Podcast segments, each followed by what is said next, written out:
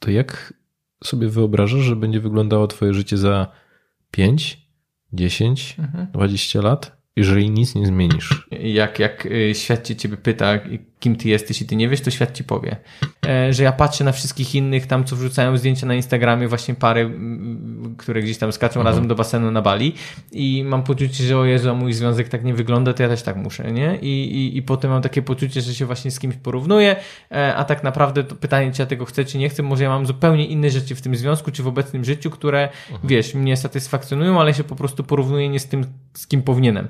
Boże, to te wszystkie osoby, które ja gdzieś tam śledzę w internetach, to one też mają takie problemy, w sensie mhm. to też mają takie wyzwania, to też sobie gdzieś tam z tymi rzeczami nie radzą i tam wiesz, też się wkurzają w korkach i też na przykład jak była pandemia, to stracili robotę i nie? Mhm. albo po prostu, jak to się mądrze mówi, po prostu bój się i rób. Podcast charyzmatyczny. Psychologia w codziennym życiu. Prowadzi psycholog Dawid Straszak. Dzień dobry, dobry wieczór.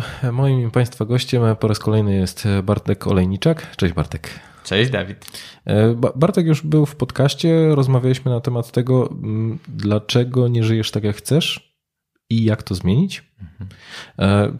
Także dla osób, które nie znają Bartka, Bartek jest HR Business Partnerem, konsultantem do spraw HR, coachem, e, podcasterem, kolegą po fachu. I ostatnio awansowałeś, także gratuluję. Dziękuję. Śledzisz LinkedIna na bieżąco. Śledzę. Także zachęcamy do wysłuchania pierwszej części naszej rozmowy. Tych, którzy nie mieli okazji, a o czym dzisiaj będziemy rozmawiali? O tym, że jeżeli już zorientowaliście się, że coś w waszym życiu jest nie tak, że coś nie dzieje się dokładnie tak, jakbyście sobie wyobrażali, e, to co z tym zrobić? Czyli będziemy mówić o narzędziach dotyczących tego, jak się zmotywować, jak do tego podejść sensownie, żeby ta zmiana była efektywna, e, no i żeby po prostu była skuteczna. Skąd pomysł na odcinek? Otóż z tego względu, że mm, podcast e, numer jeden spotkał się z bardzo pozytywnym odbiorem e, i wielu klientów, którzy trafiało do mnie i mm, domyślam się, że też do ciebie po tak tym odcinku, e, borykało się z takim, no, przedstawiało taki problem związany z tym, że tych narzędzi brakuje. Więc chcielibyśmy po prostu dostarczyć jak najszerszej ilości osób tego, żeby wiedziały, jak to swoje życie odmienić na lepsze. Jak zacząć? Jak ruszyć z miejsca? Tak jest. To jak zacząć, Bartek? Od czego, od czego ty byś zaczął? Czyli orientujemy się, ok, ja już jestem sobie szczerze w stanie powiedzieć, że to miejsce, w którym, nie, w którym jestem, mi nie odpowiada. E, od czego byś zaczął? I też od razu dla, dla słuchaczy i widzów, e, no, będziemy dzielić się swoimi przemyśleniami, też e, narzędziami, więc ta rozmowa będzie takim, no, miejmy nadzieję, kompendium i i jak do tego podchodzić? Zależałoby mi na tym, żeby, nie pod, żeby ludzie nie podchodzili do tego tak ortodoksyjnie i mhm. jednoznacznie, mhm. tylko żebyście bardziej korzystali z tego jako z szwedzkiego stołu. Wybierali tak. te narzędzia, które Wam pasują i przetestowali, sprawdzili, jak się dla Was sprawdzają. No bo nie ma jednej drogi, nie ma jednej opcji. To nie jest tak, że jeden scenariusz tylko działa i zresztą tak jak pewnie sprawdzamy i testujemy, w sensie testujemy, rozmawiamy z naszymi klientami w gabinetach podczas sesji psychologicznych, coachingowych. Mhm. No, ilość tych dróg do wyboru jest tak różna, jak różnych mamy klientów, więc e, z tego też trzeba sobie zdawać sprawę. No? Dobra. Co jest pierwszą rzeczą, od której warto byłoby zacząć? Mhm to może nie narzędzie, ale zdanie sobie sprawy, i to jest myślę, że bardzo trudne, że to my odpowiadamy za nasze życie.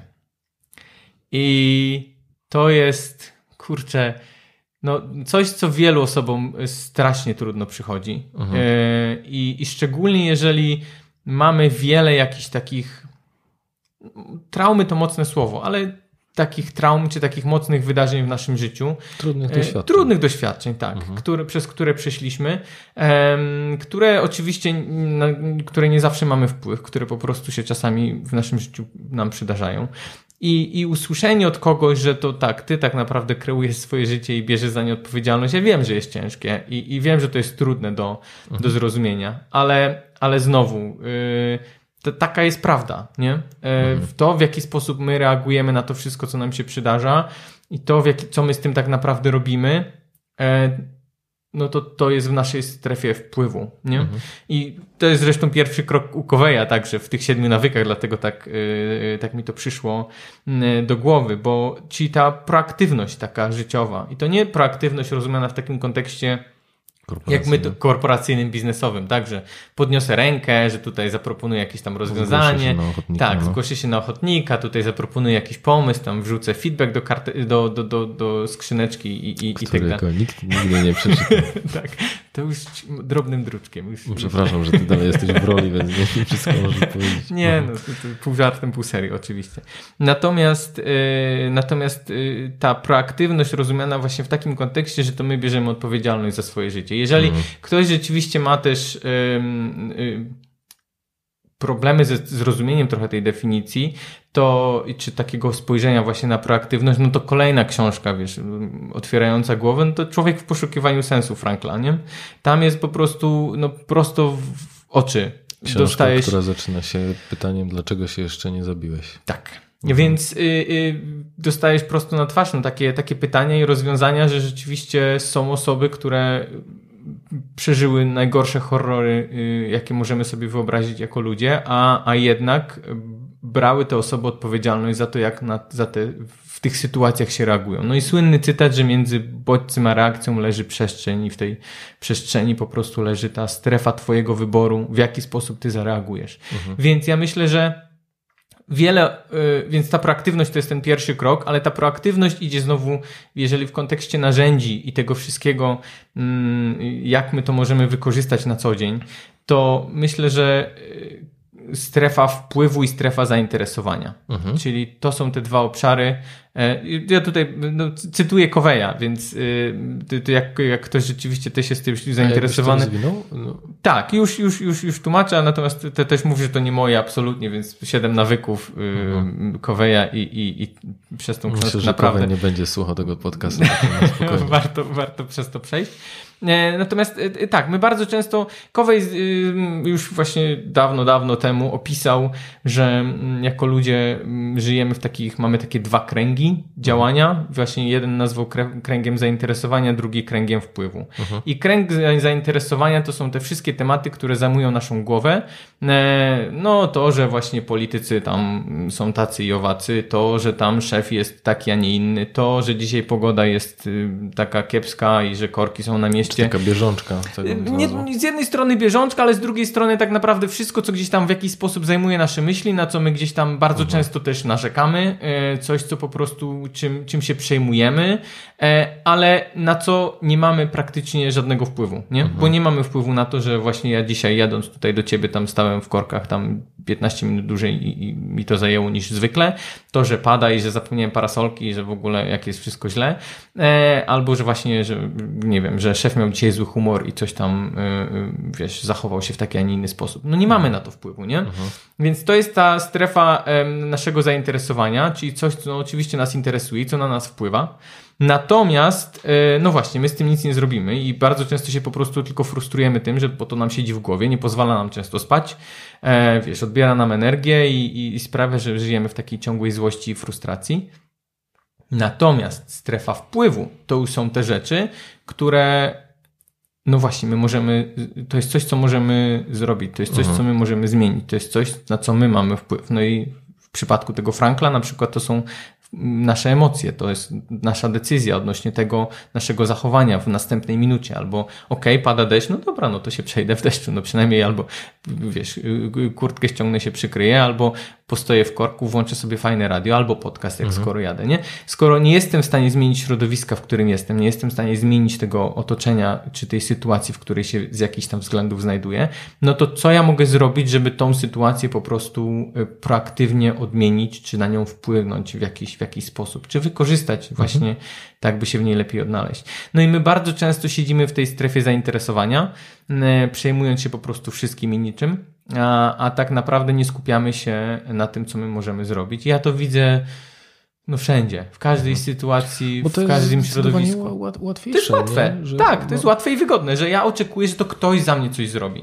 Myślę, że tutaj się pojawiają takie dwa, dwa wątki, że z jednej strony ja bardzo się cieszę, że wspomniałeś o tym, ja bym to takim nazwał prosto braniu odpowiedzialności i poleganiu też na swojej sprawczości, Mhm. że z jednej strony jeżeli dużo złych rzeczy wydarzyło się w naszym życiu, to my bardzo łatwo, znaczy mamy taką sposobność do uczenia się bezsilności. I, Mhm. i to jest no, taki termin psychologiczny, który występuje zarówno w Tak. świecie zwierząt, jak i u nas, więc im bardziej dostajemy po prostu w, w, w twarz od życia, Mhm. tym bardziej, tym łatwiej nam powiedzieć, kurczę, to, to ja chyba po prostu nie jestem w stanie przeciwdziałać temu i nie, nie czuję tej proaktywności albo tej odpowiedzialności, czy, czy to jakby trochę życie przydarzało się mi, a nie e, Tak. jak ja bym stał po prostu za sterem i miał bezpośredni wpływ na to. E, Ja bardzo lubię taki cytat, że mm, człowiek nie wybiera sytuacji, ale musi jej sprostać. E, Mhm. Żeby też, od, bo nie chciałbym też bagatelizować tych sytuacji, które mogły się wydarzyć u ludzi, którzy negatywnie na, na, na nich wpłynęły, Mhm. które mogły wykształcać ten nawyk takiej właśnie bezsilności. Czyli y, to, o czym mówisz, czyli patrzeć tam, gdzie ja mogę działać i zaczynać działać, jest szalenie ważnym aspektem. E, Czyli rzeczywiście, tak jakby od, od, odnosić się znowu, odnosząc się znowu do Frankla, zawsze masz wybór. I, i, ten, I to jest chyba taka najważniejsza e, rzecz związana z tym, żeby zadać sobie to pytanie. E, Oczywiście gdzieś tam mogą się pojawić wątpliwości. Nie, no jakby nie na wszystko mam wpływ, no bo przecież jest taka ciężka sytuacja w, w, w kraju, e, czy no nie wiem, tam e, szef- szefa mam beznadziejnego. I zadać sobie takie szczere pytanie, czy ja naprawdę nie mogę nic w tej sytuacji zrobić. Mhm. I jestem przekonany, że w zdecydowanej większości przypadków my możemy coś zrobić. Tylko Ale my nie chcemy. nie chcemy, chcemy. boimy się. Powodów może być bardzo dużo. Tak, może być bardzo wiele, E, ale najczęściej rzeczywiście to jest też takie, wiesz, nawet jeżeli ktoś nie miał trudnych życiowych doświadczeń, czy właśnie tak jak mówimy, jakichś takich traum, to, Mhm. to wiele osób...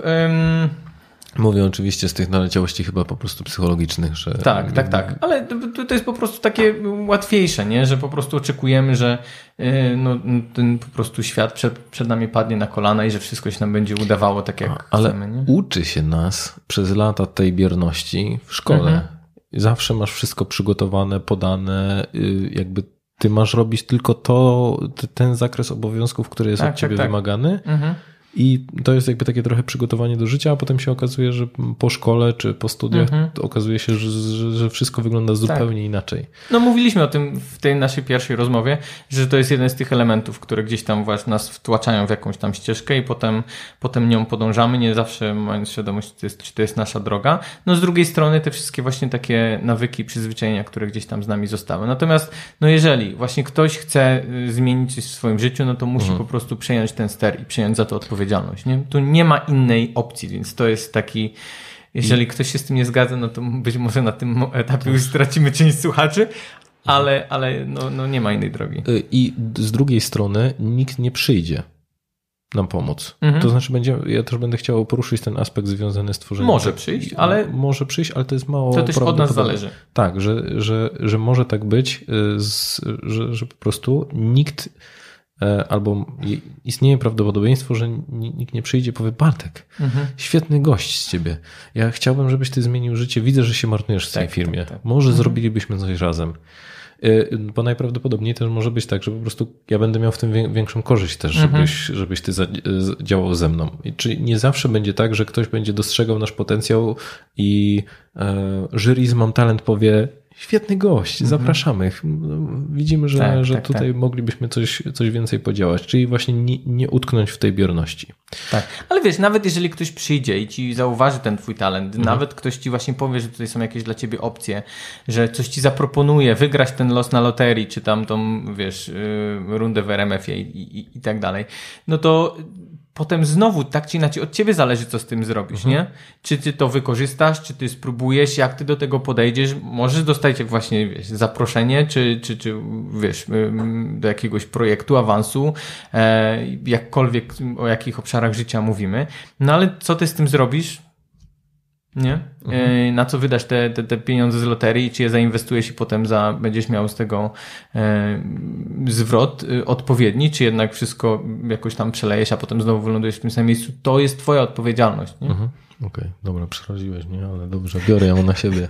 E, I z drugiej strony czasami y, ja się posługuję takim narzędziem, jak pytam w momencie, kiedy ten, ten strach przed zmianą jest na tyle duży, że ktoś nie, nie chce ruszyć z miejsca, to pytam y, i to warto, żebyście też sobie zadali to pytanie, to okej, to jak sobie wyobrażasz, że będzie wyglądało twoje życie za 5, 10, 20 lat, jeżeli nic nie zmienisz? Że jeżeli to, jaką jesteś osobą, w jakim jesteś miejscu, e, jak, on, jak twoje życie będzie po prostu wyglądało, jeżeli żadna z twoich cech mm, jakby osobowościowych i też środowiskowych się nie zmieni, to jak to będzie? Jak będzie, jak będziesz otaczał się cały czas z tymi samymi ludźmi, których nie lubisz, chodził do pracy, w której się nie spełniasz, nie jesteś doceniany, nie możesz wykorzystać swojego potencjału, co wtedy? I to jest też taka, mam wrażenie, tak, taki mm, sposób do pobudki dla większości osób, bo starają, nie patrzą tak długoterminowo i nagle okazuje się, kurczę, no i często pojawia się, Boże, będę jak moi starzy, e, bo, e, no bo no często się pojawia taki punkt odniesienia. Tak. No i jak najbardziej jest takie, jest takie ryzyko i ta, wiesz, ta wizja takiej negatywnej przyszłości, przyszłości i obawa przed tym, e, co się z nami zadzieje i co stracimy, e, Mhm. bo to też gdzieś pewnie do tego e, może prowadzić, tak jak też to wiele razy pewnie zostało powiedziane też u Ciebie w podcaście, że no bardziej nas motywuje potencjalna strata niż zysk, więc jak Dlatego dużo będzie negatywnej motywacji dzisiaj. z jednej strony, ale z drugiej widzisz, to przy, przy, idąc dalej od tej proaktywności, jeżeli już sobie rzeczywiście zdamy sprawę, że to los jest w naszych rękach i że warto się skupić na tej naszej strefie wpływu w każdej sytuacji, nie? bo zawsze jest coś, co można zrobić, em, mimo że łatwiej jest obwiniać świat za wszystko, no to kolejnym krokiem z jednej strony jest ok, wyobrażenie sobie tej ne- negatywnej drogi i co, co tam może pójść, więc mam wrażenie, że jak mówisz, tutaj się szykujesz na takie negatywne wizualizacje, to będziemy tutaj mieli dwie wizje świata, bo ja na przykład Bo się to trzymam... jest psychologia pozytywna. Tak, no to... tak, tak, więc ja się trzymam właśnie tej, tej ym, jasnej strony mocy, no, oczywiście żartując. Natomiast, wiesz, wizualizacja pozytywna, nie? I wizualizacja przyszłości. To jest coś, co, od czego ja bardzo często zaczynam właśnie sesje coachingowe z, z osobami, które do mnie przychodzą, albo, y, wiesz, nawet z liderami rozwiązując jakieś y, wyzwania czy problemy. No, ale wizualizacja pozytywna, jakbyś to rozwinął? Yy, Wyobrażanie sobie przyszłości, przyszłości czy wizji y, życia, do której dążymy, nie? Takiego Okej. idealnego scenariusza, który chcielibyśmy w danym, w danym obszarze zrealizować, tak? Jeżeli mówimy o, y, powiedzmy o jakiejś, no w zależności od jakiej kategorii zmian mówimy, tak? Czy mówimy o, nie wiem, życiu tam prywatnym, czy związki, czy zmiana pracy, czy w ogóle wizja mojego życia na przykład za te 10 lat, tak? E, ulubione pytanie rekruterów. To mam, mam chyba złą wiadomość, bo nie wiem, czy słyszałeś. No. Yy, w- Nie wiem, kto wykonywał te badania, ale Mateusz Banaszkiewicz Aha. w jednym wy, z wykładów powoływał się na takie badania, w której mm, jakby mierzono dwie grupy e, osób odchudzających się i jedne No. miały wyobrażać sobie siebie jakby już będąc Mhm. fit, czyli jakby na końcu tej drogi, a drugie miały wyobrażać sobie, e, już nie pamiętam dokładnie jak to wyglądało, ale z jednej strony e, o, co się stanie, jak, jeżeli nic nie zrobią, Mhm. czyli jakby ten, będą się utrzymywały w tym procesie w taki sposób i jeszcze jedna chyba grupa wyobrażała sobie, co się stanie, jeżeli będą pojawiać się pokusy, czyli przekąski, Tak. czy jakieś rzeczy, które nas będą, jak one chciałyby się w takiej sytuacji Mhm. zachować. I co się okazało, że te osoby, które jakby wizualizowały sobie te pozytywne efekty, były o wiele mniej skuteczne niż te, które Mhm. jakby były przypalane żelazem e, negatywnych konsekwencji tych wydarzeń. Okej. Czyli mm, stąd ja też e, mam wrażenie, że jest niewielka grupa osób, Mhm. bo znowu wracamy do tego podejścia bufetowego, żeby ludzie korzystali z tego, co u nich działa. Mhm. I myślę, że to no potem. Wiesz, Ale ja myślę, że to tak czy inaczej, yy, okej, z- Mhm. zgadzam się, że to, to, to, co mówisz, też brzmi rozsądnie. Natomiast to, o co mi chodzi w takiej wizualizacji przyszłości, to zdanie sobie trochę sprawy, czego ja tak naprawdę chcę od życia. Okej. Czyli do czego ja dążę po prostu, nie? Co, bo my bardzo często, ja bym chciał coś jest- zmienić, ale w sumie, to, to jak się pytasz, no ale to co byś chciał? I co, jak, co, co, i co jest tym, tym idealnym scenariuszem, który ty chcesz po prostu y, osiągnąć i zrealizować w, w swoim życiu? No to, to w sumie Zaskakująco mało osób wie. wie. W- Właśnie niewiele osób sobie zdaje z tego sprawę, nie? I i tak jak usiądziesz sobie i wiesz, nawet żeby ten ubrać ten cel w jakieś, w jakieś słowa, nie? Czy ty pracujesz na etacie, czy ty właśnie masz rodzinę, czy nie masz rodziny, czy podróżujesz, czy siedzisz w tym samym miejscu, w którym siedzisz. Co jest twoim celem, nie? Bo, bo coś bym zmienił w tym swoim życiu i nie żyje mi się dobrze i w ogóle jest no taki, taki owak. No i jak, jaką łatwość ludzie mają w odpowiadaniu na to pytanie? Ja mam wrażenie, że zaskakująco dużą. Mhm. Jeżeli, jeżeli wejdziesz w taki stan e, odpowiedniego, wiesz, trochę zrelaksowania, Mhm. to ty wiesz, co byś chciał w życiu, nie? Wiesz, czy chcesz mieć rodzinę, czy chcesz mieć właśnie dzieci, czy chcesz, e, wiesz, pracować, wiesz, jak, jak, jaki rodzaj pracy ci daje satysfakcję, tylko musisz się nad tym trochę głębiej zastanowić i trochę Mhm. posłuchać trochę tego, ty, tych, tych głosów w, w środku siebie. Mhm. Zgodzę się z tym, bo te, też yy, wiesz, zas- zaskoczony jestem, że, że ludzie są w trakcie sesji, na przykład u ciebie w, w stanie Mhm. Dojść do jakichś wniosków, bo często ja się raczej z tym spotykam, że no jakby nie wiem, ciężko mi o Mhm. tym powiedzieć, ale pomyślę i ludzie wracają rzeczywiście z bardzo bogatymi przemyśleniami, że jak rzeczywiście chciałbym, chciałabym, żeby wyglądało moje życie. Mhm. E, I myślę, że to jest też taka bardzo ważna rzecz, której dotknęliśmy, że my możemy się kręcić w kółko w momencie, kiedy my realnie sobie nie odpowiemy na to, czego byśmy chcieli. Mhm. Bo dla mnie bardzo zaskakujące było to, jak jeszcze pracowałem w korporacji, że ludzie przychodzili mm, do pracy z takim, trochę nie wiem, no przychodzę tutaj, bo tu jest stabilnie, Tak, jest tak. wypłata co miesiąc, no i, i można, można pracować na siedząco.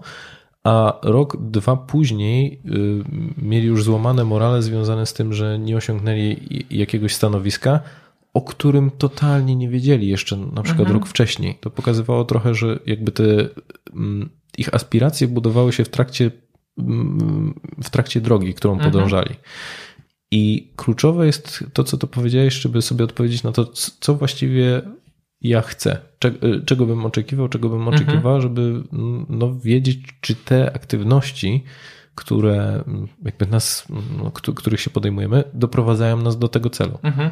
Wiesz, wracając jeszcze na chwilę, bo tutaj jest od razu za chwilę takie narzędzie, które można w tym y, celu, może nie wizualizacji, ale właśnie takiego wyobrażenia sobie y, tego rozwiązania, y, czy w sensie i zaplanowania tej drogi do, do, do tej zmiany, którą oczekujemy, więc jest takie fajne narzędzie, które, mo, które można tutaj wprowadzić, sprawdzone naukowo. Em, natomiast jeszcze, jeszcze wracając do tej, do tej wizualizacji, to też E, Pewnie potraktowałbym to troszkę szerzej w takim znaczeniu, że znowu, na przykład podając, podając przykład, bo dla mnie na przykład wizualizacja i zresztą dla mnie, e, jest też narzędziem, które jest bardzo często wykorzystywane w treningu mentalnym, na przykład u sportowców. Nie? W sensie Michael Phelps chyba, on y, ma tą, jest ta słynna historia z jego jednym z, za, z zawodów chyba na Olimpiadzie w 2008 roku. E, nie wiem, czy, czy słyszałeś, y, ale, ale on to powtarzał w kilku, w kilku wywiadach i to bardzo jest ciekawe. E, Zresztą no, sportowcy mają coś takiego, że e, często wizualizują sobie e, dane zawody, bieg. Lubią być przed zawodami w tym miejscu, w którym się będzie odbywała rywalizacja. Lubią poznać to miejsce, zobaczyć w ogóle, jak ta przestrzeń wygląda, z którego miejsca startuję, jak tutaj, gdzie będę, powiedzmy, biegowo, czy, czy jak tam wygląda pływalnia i tak dalej. E, I, I Michael Phelps o, otwarcie mówi o tym, że to był jest standardowy element jego, jego treningu i przygotowania, że on zawsze wyobraża sobie trzy rzeczy. Pierwszą rzecz to jest jakby chciał, y, żeby, żeby dany mm, tutaj wyścig pływacki wyglądał. E, No jak kiedyś wyobrażał sobie, no bo teraz już jest na tej sportowej emeryturze. Jakby na pewno nie chciał, żeby, żeby ten, y, y, te zawody wyglądały i co ewentualnie się może zdarzyć, nie? Czyli jak, co, jakie są ewentualnie scenariusze, nie? Czyli on po prostu w głowie sobie analizuje i przechodzi przez te takie trzy wizje, żeby być, e, żeby wiedzieć jak na przykład ciało po prostu się przygotowywuje, e, wyobrażając sobie e, po prostu konkretne ruchy. No i to mu się sprawdziło właśnie podczas tych jednych zawodów na Olimpiadzie w 2008 roku, kiedy e, źle założone okulary po prostu mu zaczęły przeciekać wodą i po prostu on wypełniły mu się wodą i on był ślepy podczas tego, podczas e, e, jednych, jednych tych finalnych już finalnego zawodów nie wiem jak to No, ładnie powiedzieć, zawodów, tak. mistrzostw. Mistrzostw, tak. E, chcę powiedzieć wyścigu, no ale no tak też pewnie wyścig pływacki można tak, powiedzieć. wyścig, chyba w tak. No w każdym razie, on na 200 metrów pływania 170 metrów przepłynął na ślepo, nie? Mhm. Gdzie masz tam zawracanie na tym torze, gdzie on po prostu na ślepo miał Znaczy, wyczucie... Myślę, że, że to wiesz, w no przypadku to już jest, takich treningów tak, no oczywiście, że to już jest, policzone- tak, że to jest, ale to jest policzone, ale to już jest też, wiesz, umiejętność zachowania spokoju, to jest umiejętność, wiesz, przygo bycia przygotowanym na te czarne scenariusze, na to, co się może wydarzyć, na to, jak to może y, tam zadziałać, no i on to wygrał, no i nie dość, że tam wygrał, to jeszcze chyba pobił jakiś tam rekord, nie, więc to jest przygotowanie jakieś mentalne w głowie, które... y, Nie widział, jak szybko płynie. no tak, nie porównywał się.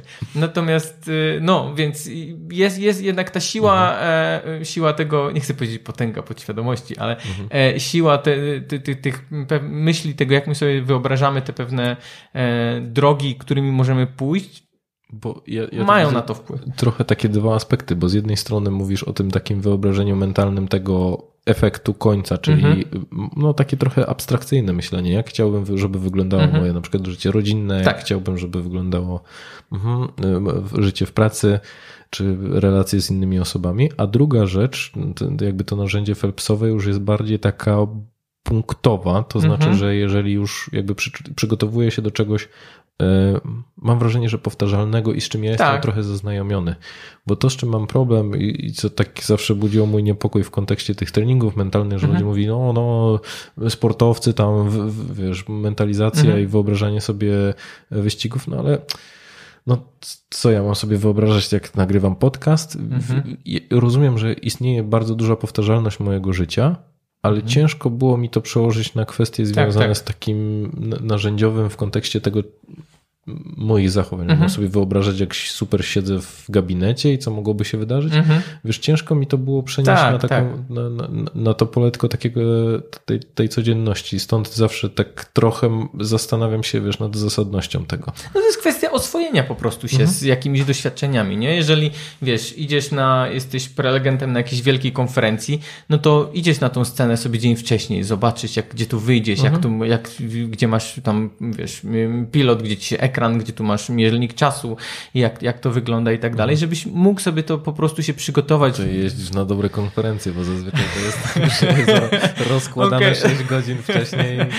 No okej. jakiś techniczny, Nie, no to tak wiesz, przykład taki to, Mhm. totalnie ściągnięty z czapki, ale, ale y, chodzi mi o wiesz, nadanie jakichś takich obrazów, jak można ewentualnie do każdej sytuacji, szczególnie jeżeli ona jest po prostu dla nas jakoś ważna i, i czujemy na przykład, no bo mówimy tutaj o ruszaniu z miejsca, tak? Mhm. Czyli żeby po prostu się za coś zabrać, no to łatwiej jest jak coś oswoimy, jak sobie coś nawet w myślach przez coś przejdziemy, co mamy zrobić, w jaki sposób. Wiesz, jak, jak y, to jest takich śmiesznych historii z dzieciństwa. Moja babcia mi opowiadała, że kiedyś mnie pierwszy raz wysłali tam do sklepu 500 metrów, jak miałem tam 6 lat, pewnie, żeby tam jakieś, nie wiem, ziemniaki kupić i, i do wiesz, szedłem całą drogę i tam powtarzałem, co mam zrobić, co mam powiedzieć i tak dalej. Ile, wiesz.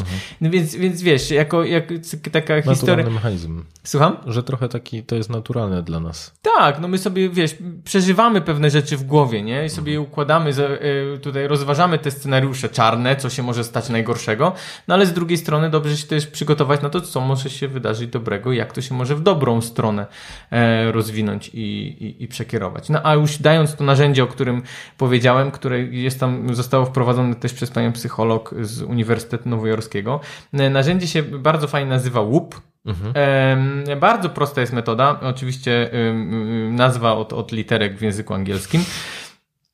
Bo jak żeby inaczej.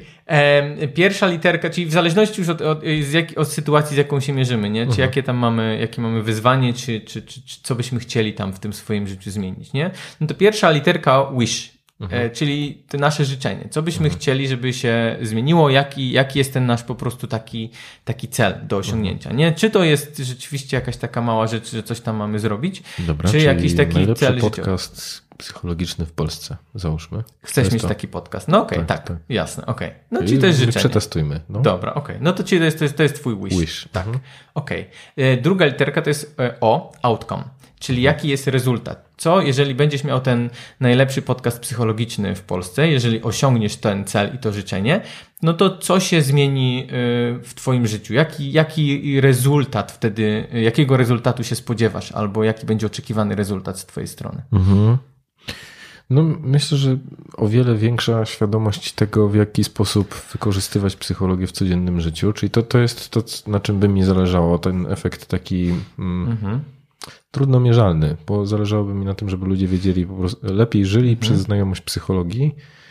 E, Druga rzecz, nie wiem, myślę, że i e, pod względem takiej hmm, ja- jakości e, osób, z którymi mógłbym rozmawiać, czyli Mhm. że- żeby to rzeczywiście byli no, najlepsi specjaliści w Polsce w danych dziedzinach. E, Co jeszcze mogłoby być outcome'em? No, dla ciebie takim outcome. Aha, co dla było. mnie? No, bo tutaj mówisz też o takich rzeczach, y, na które nie zawsze masz wpływ, nie? Czyli tam, że ludzie będą mieli, korzystali z Mhm. Okej. narzędzi, nie?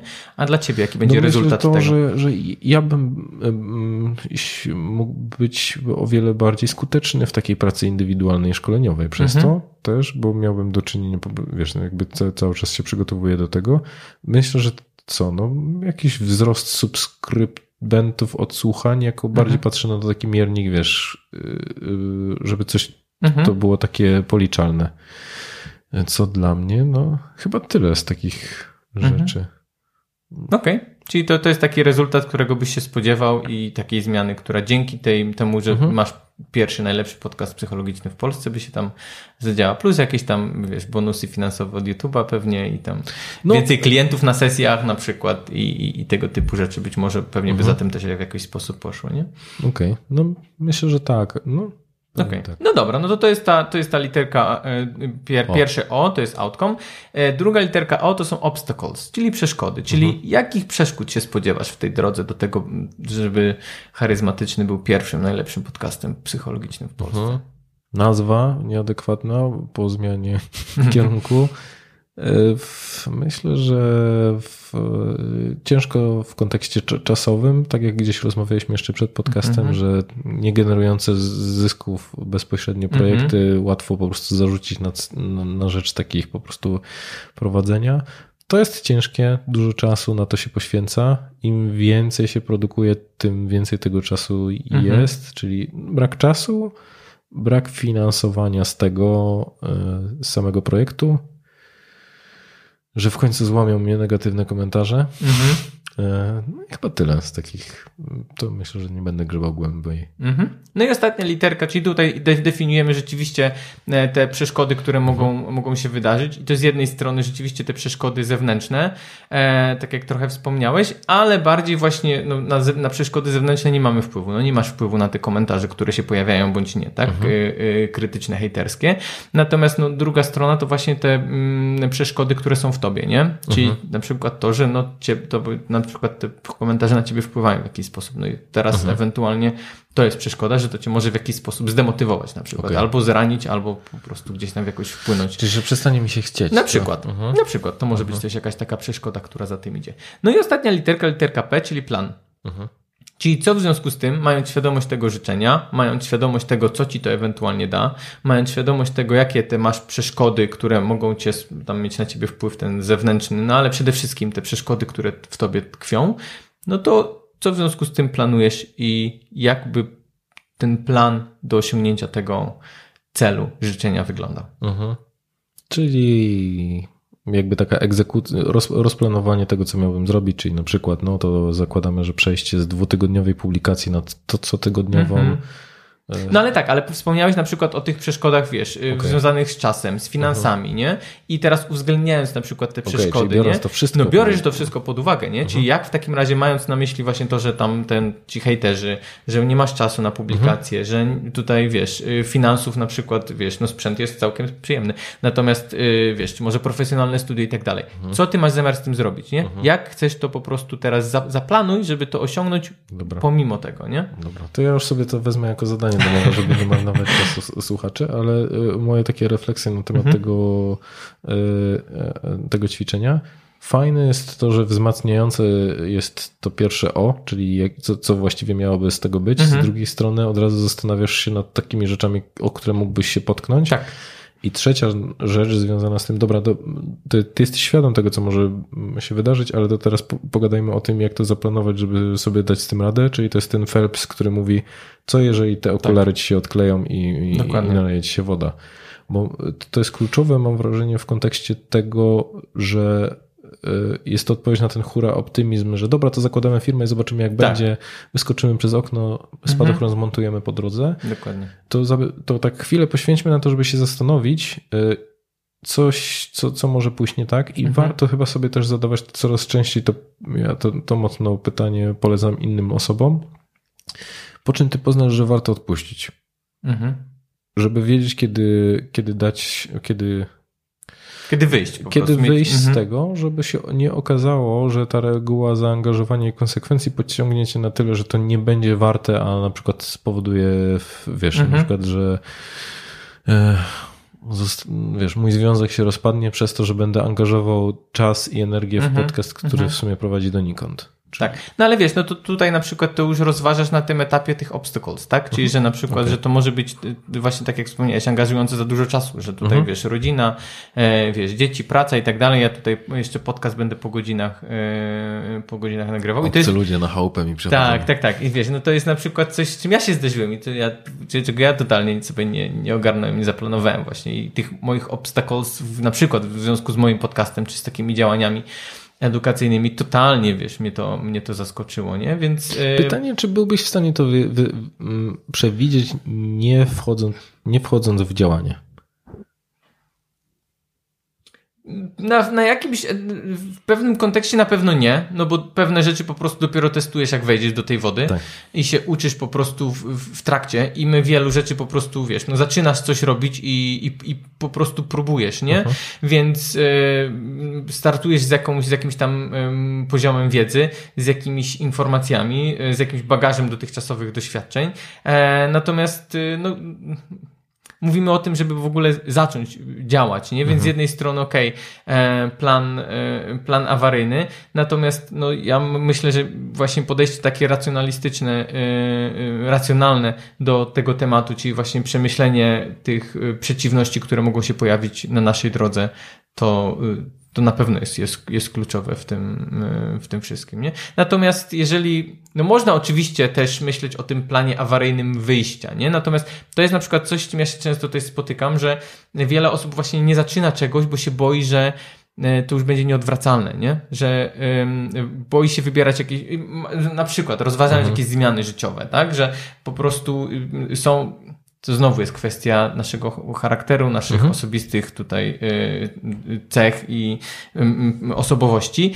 Mm, No ale na przykład są osoby i też jak przychodzą mm, na, na takie spotkania, sesje coachingowe i z jakąś wizją na przykład zmiany życia, poszukiwania jakiejś takiej swojej drogi Mhm. e, i na przykład mają za dużo opcji do wyboru, nie? I nie wiedzą po prostu, nie wiedzą w ogóle i, i ten paraliż decyzyjny się tutaj pojawia No. totalnie, że ja po prostu i to bym chciał, i tu jestem dobry, i tu mam jakieś takie, to próbowałem, to testowałem. I no na to przykład masz kurczę fajnych i włącza się, i włącza się, ale wiesz, to czasami to, to, to, to, to nie jest kwestia em, kurczę, to jest, ja mam poczucie, że to jest bardzo życiowe, nie? Że y, są osoby, które y, Zbyt dużo smakowitych ciastek, które zjeść. Na przykład, albo Mhm. po prostu mają tak analityczny umysł, że po prostu przed podjęciem decyzji potrzebują po prostu no, przeanalizować wszystkie po prostu Mhm. możliwe dane, które mogą gdzieś tam e, ściągnąć sk- skądkolwiek. Mhm. No i ten, ta, ta informacja, że może to, może tamto, może tutaj taka droga, e, że jak pójdę tą, to już wiesz, nigdzie, to już mo- może nie, nie wrócę, nie? I, i, i, i albo jak już pójdę, się zdecyduję i się okaże, że to jest złe, no to w takim razie zmarnuję tam jakiś tam okres czasu na to, nie? Więc ten paraliż tutaj, który się pojawia, myślę, że też jest I dla jak wielu sobie osób. z tym radzisz?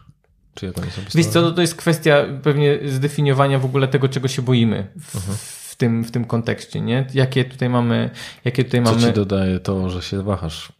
Na przykład, Mhm. no albo jaki jest najgorszy możliwy scenariusz wybrania danej ścieżki. No w ogóle, wiesz, kwestia rozpisania w ogóle tych wszystkich dróg możliwych, nie? Mhm. Więc ile, ile my tych opcji mamy do wyboru. I na przykład osoby, które podchodzą tak bardzo racjonalnie w stylu za i przeciw i tam wypisuje sobie, że ta droga to jest, to, to jest dobre, to jest złe i tam masz, ci, wychodzi ci po 15 tam punkcików na każdym, na każdej drodze, Mm, to ja na przykład w tego typu ym, wyborach lubię też posłuchać ciała. Lubię posłuchać emocji, nie? I wiem, że to czasami brzmi... Ludzie, kurczę, wiedzą. Najczęściej wiedzą. I wieś, na przykład jest, y, ja wiem, że to, to będzie brzmiało jakoś sekciarsko strasznie, ale to jest bardzo proste narzędzie w kontekście takim właśnie pracy takiej coachingowej. E, Jak rozważasz jakieś właśnie możliwe drogi, e, napisać po prostu po jednym słowie na kartce takiej A4, nie? że tu jest Tak, na nie? przykład, nie, nie bardziej te, te, decyzje, nie? Okej. żeby po prostu było tyle tych kartek, ile jest tych decyzji, nie? że nie wiem, praca na Bali, albo tutaj wyjazd, nie wiem, do Stanów, albo zostanie w Polsce i tam założenie rodziny, albo jeszcze coś tam, coś tam innego, nie? I rozłożenie sobie tych kartek gdzieś tak w przestrzeni, nie? Mhm. E, w, w, w pokoju i z takim podejściem wejście na tą kartkę, nie? Mhm. Stoisz sobie na tej kartce i myślisz, podjąłem tą decyzję, nie? Mhm. Pojechałem na Bali. Mhm. Czy jest prąd, czy? Jestem tam, nie? Podjąłem tą decyzję, stoję na tej kartce, wybrałem tą drogę, nie? I co mi to robi? To jest tak jak troszkę, wiesz, z tym rzuceniem monetą, nie? Że ty masz tak albo nie, ale w sensie wybierasz orzeł ciereszka i w momencie rzucania ty już czujesz, co, co chcesz, żeby wypadło, nie? E, I, I jak pozwolisz i się wsłuchasz trochę w ciało i w to, się spinasz, czy się rozluźniasz, czy jakie emocje czujesz, jak, wiesz, ja na przykład miałem na sesjach rzeczywiście takie momenty, że jak ktoś przechodził między tymi kartkami i na jedną kartkę się w ogóle nawet, wiesz, go odrzuciło, nawet nie, nie weszła ta osoba na tą kartkę, bo powiedział, nie, nie, nie ma opcji, nie? Ja, o, w ogóle nie, koniec. Wycofuję się z tego. Wycofuję się z tego, nie? I wiesz co, nie, nie brzmi to dla mnie sekciarsko, z tego względu, że ja często spotykam się z tym, że ludzie przychodzą do gabinetu y, w jakimś takiej trudnym okresie, czy przed trudną decyzją i najczęściej oni jakby podświadomie czują, co jest dla nich lepsze, ale chcą logicznie zrozumieć, dlaczego tą, tą rzecz wybierają.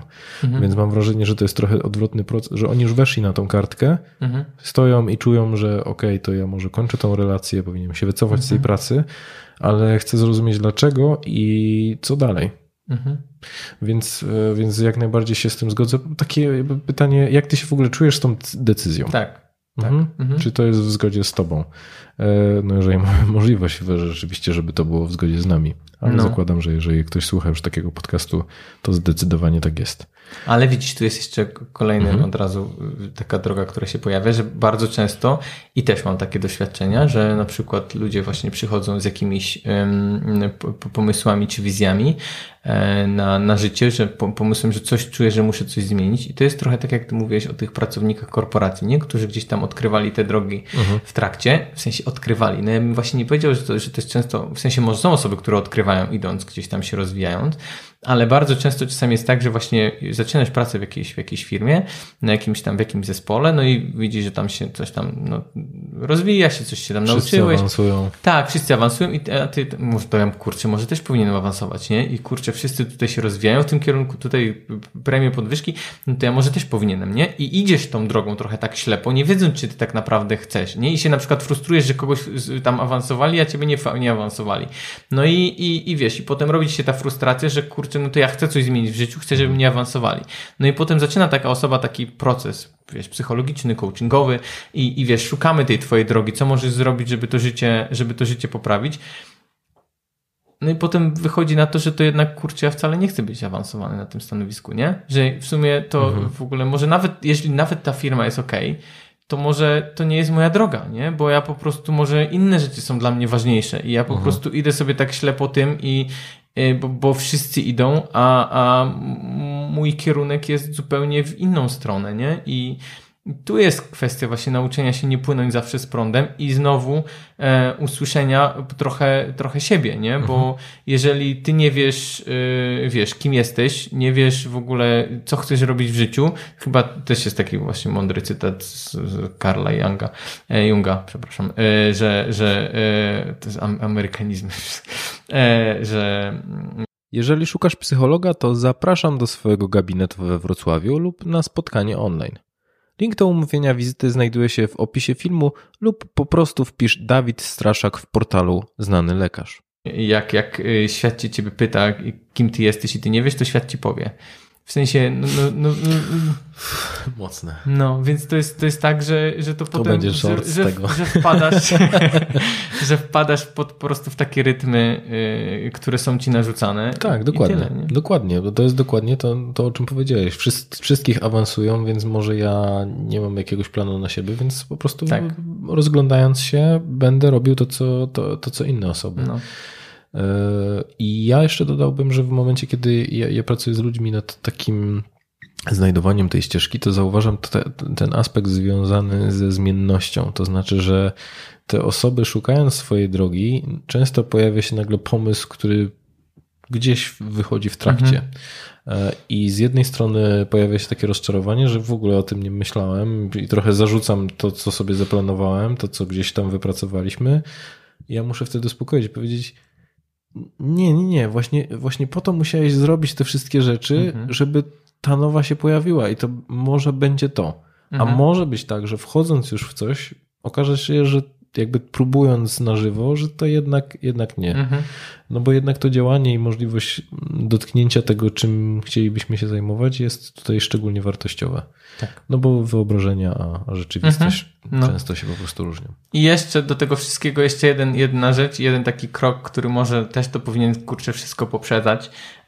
Zdanie sobie, no bo tu mówimy o tym, co my byśmy chcieli w tym życiu e, i, i co my byśmy chcieli zmienić, w jaką stronę byśmy chcieli pójść i, i, i jak tutaj wystartować. Ale nie wystartujemy, dopóki mamy właśnie takie złe mm, postrzeganie siebie, albo gdy, gdy rzeczywiście mamy problem z określeniem tej swojej tożsamości troszkę, nie? Czyli nie wiemy, kim, nie wiemy, kim jesteśmy, bo jednak nasza to, jak my siebie postrzegamy, czy rzeczywiście czy ja jestem pracownikiem korporacji, czy jednak y, w sensie, jakie my sobie role nadajemy, albo w jaki sposób my postrzegamy w ogóle siebie w życiu, nie? Bo bardzo często jak się kogoś pytasz, kim jesteś, psychologiem, HR biznes partnerem w sumie, ale, ale wiesz, no, czy, to jest, czy to jest taka twoja tożsamość, taka, wiesz, którą gdzieś tam masz, masz w środku. I też w atomowych nawykach w ogóle e, James Clear chyba od tego zaczyna, że zanim zaczniesz wprowadzać jakiekolwiek nawyki w życiu, y, to musisz się zastanowić, w sensie to, co pomaga wprowadzać w ogóle zmiany i nawyki w życiu, to jest właśnie ustalenie swojej tożsamości, bo inaczej będzie podchodziła do na przykład treningów osoba, która będzie mówiła, no tam staram się biegać i zrzucić tam kilogramy, e, albo tam coś tam, wiesz, zadbać o siebie, a inaczej będzie podchodziła do tego tematu osoba, która mówi, jestem biegaczem, nie? Albo jestem podcasterem, albo właśnie, wiesz, jestem Czyli takie po co ci to? po co ci to, nie? Czy, albo ki- ki- kim, wiesz, inaczej, wiesz, inaczej się zachowujesz, jak mówisz, jestem ojcem, nie? Jestem mężem. To, no to coś za tym idzie, nie? Ty masz jakieś postrzeganie, jakąś wizję tej osoby, co ona, jak ona, co ona robi, jak ona się zachowuje, na przykład będąc, czy nadając sobie takie, takie określenie, nie? Więc, yy, wiesz, no jestem ok, najlepszym podcasterem w Polsce, no to najlepszy podcaster w Polsce, wiesz, robi takie i takie rzeczy, wypuszcza takie i takie odcinki i tam, wiesz, i, i, i tak dalej. Więc to ci nadaje trochę od razu kierunek, w jakim ty możesz podążać, nie? I jakieś, e, jakąś takie, jakąś drogę, którą możesz spróbować pójść, po, po, potestować, sprawdzić, nie? I im więcej potem tych rzeczy na przykład zaczynasz robić, to one bardziej ci się wpisują na tą twoją listę tożsamości, nie? Mhm. Dobra. Mam fajne ćwiczenie, które może pomóc w tym, żeby dowiedzieć się, czego, czego potrzebujesz. Czy skoro czytałeś Koweja, to, to je kojarzysz? Myślę, że to jest mocne ćwiczenie. Na mnie zrobiło olbrzymie wrażenie. Dosyć rzadko je stosuję w, w takiej pracy indywidualnej. No myślę chyba, że z, z, w związku z, te, z tą mocą, czyli tutaj dochodzimy do tego, po co ono jest, czyli bardziej kwestia związana z ustrukturyzowaniem tego, jak, czego ja właściwie chcę. I ja po prostu przeczytam ten fragment y, książki, y, jak to powinno wyglądać. Dobra. Znajdź proszę czas na przeczytanie następnych kilku stron. Tak byś był sam i aby nikt ci nie przeszkadzał. Nie myśl o niczym z wyjątkiem tego, o czym będziesz czytał. I tego, o co cię proszę. Nie myśl o swoim harmonogramie, pracy, rodzinie czy przyjaciołach. Skup się na tym, co piszę i naprawdę otwórz swój umysł. Oczami wyobraźni zobacz siebie idącego na po- pogrzeb kogoś bliskiego. Wyobraź sobie, jak jedziesz do kościoła, parkujesz samochód i wysiadasz z niego. Wchodzisz do kościoła, słyszysz łagodne dźwięki organów, widzisz kwiaty. Dookoła twarze rodziny i przyjaciół. Zebranych przepełnia smutek po stracie, ale i radość, że znali zmarłego. Podchodzisz do trumny, zaglądając do niej i nagle stajesz. Podchodzisz do trumny, zaglądasz do niej i nagle stajesz twarzą w twarz ze sobą. To twój pogrzeb. Za trzy lata od dziś. A ludzie ci przyszli, by cię uczcić, wyrazić miłość i wdzięczność za twoje życie. Zajmujesz miejsce w ławce. Czekając, aż y, zacznie się uroczystość, zaglądasz do programu uroczystości pogrzebowej.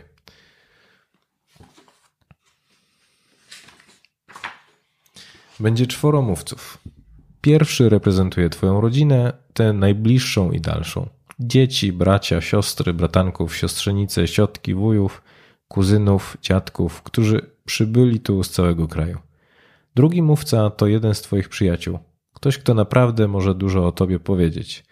Trzeci jest z Twojej pracy, a czwarty z kościoła czy organizacji społecznej, w której działasz. A teraz dobrze się zastanów. Co chciałbyś usłyszeć od każdego z mówców o sobie i swoim życiu? Jakiego męża i ojca, czy jaką żonę i matkę chciałbyś ujrzeć w ich słowach? Jakim synem, córką czy kuzynem chciałbyś być? Jakim przyjacielem, jakim kolegą z pracy? Jak chciałbyś, by postrzegali Twój charakter? O jakich Twoich osiągnięciach i wkładach chciałbyś, by pamiętali? Popatrz na tych, którzy Cię otaczają. W jaki sposób chciałbyś wpływać na ich życie? Zanim zaczniesz czytać dalej, poświęć kilka minut na zanotowanie tego, co czujesz. Ułatwi Ci to znacznie zrozumienie kolejnego nawyku. I co? No, I tak, znam to ćwiczenie. E, zrobiłem e, właśnie tych kilkanaście lat temu, e, jak, jak, jak pierwszy raz czytałem e, Koweja. No, jest, jest to mocne ćwiczenie, nie? Więc znowu Mhm. I wizja myślę, że jest życia, nie? kluczowe, bo y, mało kto to robi. Mało kto się zastanawia, trochę zaczynając od Mhm. końca, bo Kowej mówi o tym, że, że okej, to spójrz na to, jaki, jaki będzie efekt na samym Mhm. końcu, żebyś wiedział, jak układać klocki po, po drodze, Mhm. które miałyby po prostu zbudować mm, jakby ten gmach mm, finalny, który by cię interesował. Tak, tak, no masz automatycznie listę priorytetów, nie? I tu znowu y, nawiązując do naszego pierwszego odcinka, pier- pierwszej rozmowy, czyli tam y, też mówiliśmy o po prostu z, y, nazwaniu naszych wartości życiowych po prostu, nie? Czyli tych naszych kierunkowskazów, to co nas nami kieruje. Bo z jednej strony my, my to wiemy, e, przynajmniej tak nam się wydaje, a potem na co dzień wybieramy zupełnie inne rzeczy e, w naszym Czy codziennym działaniu. wybieramy, czy dajemy po prostu temu, temu nurtowi siebie porwać? Też dajemy temu, mo- może też tak być, nie? Ale są też takie momenty, gdzie na przykład mamy poczucie, że e, wiesz, y, jest godzina y, 17 w piątek i nagle szef mi wrzuca, że tam raport jest do zrobienia, a ja na przykład mam dzisiaj, wiesz, randkę z żoną i wychodzimy do, tam do kina. Podcast nie jest dzisiaj. Tak, dzisiaj 17. mam, tak, dokładnie. Natomiast, no i, no i pytanie, no co, ja, co ja zrobię? No i pytanie, co jest dla mnie ważne? Czy, czy praca, kariera, czy tutaj, nie wiem, zarobki, czy jakiś bonus, który płynie z tego, y, z tego dodatkowego raportu i z tego, że po prostu teraz spędzę piątkowy wieczór w, w robocie, czy jednak, wiesz, y, rodzina, czas z żoną i tak dalej. No i z jednej strony mogę mówić, że dla mnie tak, żona, rodzina jest najważniejsza, a potem z drugiej strony, no jednak żonie łatwiej odmówić niż tam szefowi, nie? Więc no pytanie, wiesz, tu się wszystko rozgrywa w tych To y, też nie są niuansach. łatwe dylematy, bo to Tak. nigdy nie jesteś w pojedynczej roli. Oczywiście, że tak, oczywiście, że tak. No ale stąd y, kwestia rzeczywiście, tak jak mówisz, Żebyś zobaczenia, zobaczenia tego, nazwania tego, co jest dla mnie ważne, czy Mhm. na tym moim pogrzebie będzie stał mój szef i mówił, jak super raport zrobiłem w ten piątek, czy Mhm. jednak moja rodzina, jak wiesz, jakim byłem kochającym ojcem, mężem, nie? Więc y, no, no to może dla kogoś będzie ta, ta praca, ale no, to jest no, już kwestia indywidualnych wartości, więc ale warto sobie po prostu z nich zdawać sprawę i warto mieć przynajmniej taką świadomość, dlaczego my coś wybieramy. A jeżeli czegoś właśnie wy, wybieramy coś, co nie do końca jest z nami ok, w sensie zgodne, no to, no to też dobrze byłoby y, zdawać sobie z tego sprawę. Mhm.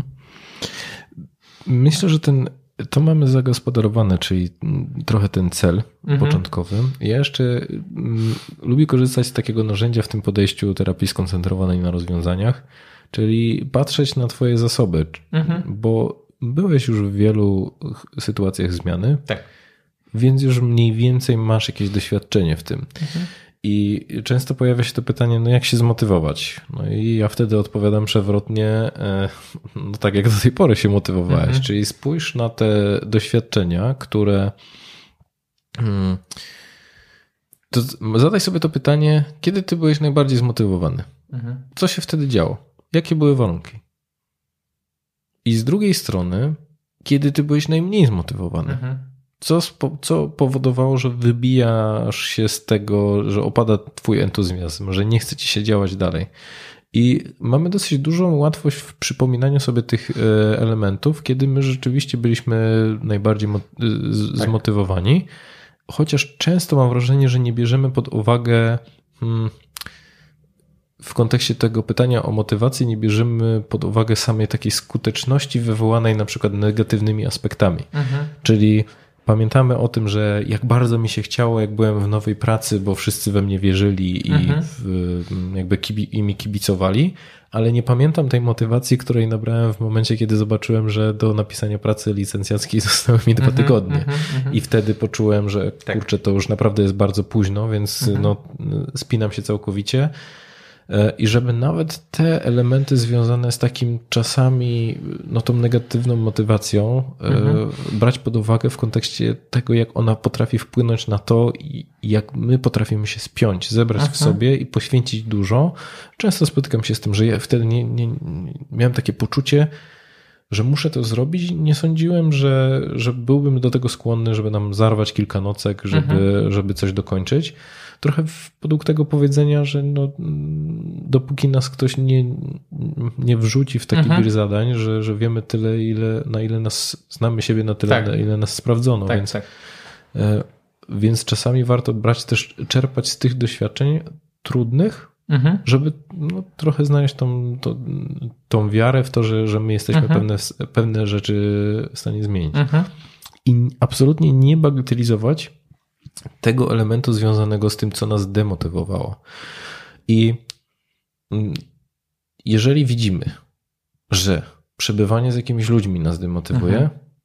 to jest dla nas bardzo ważna informacja, żeby w procesie zmiany, w którym Mhm. jesteśmy, na przykład minimalizować ten kontakt. Tak.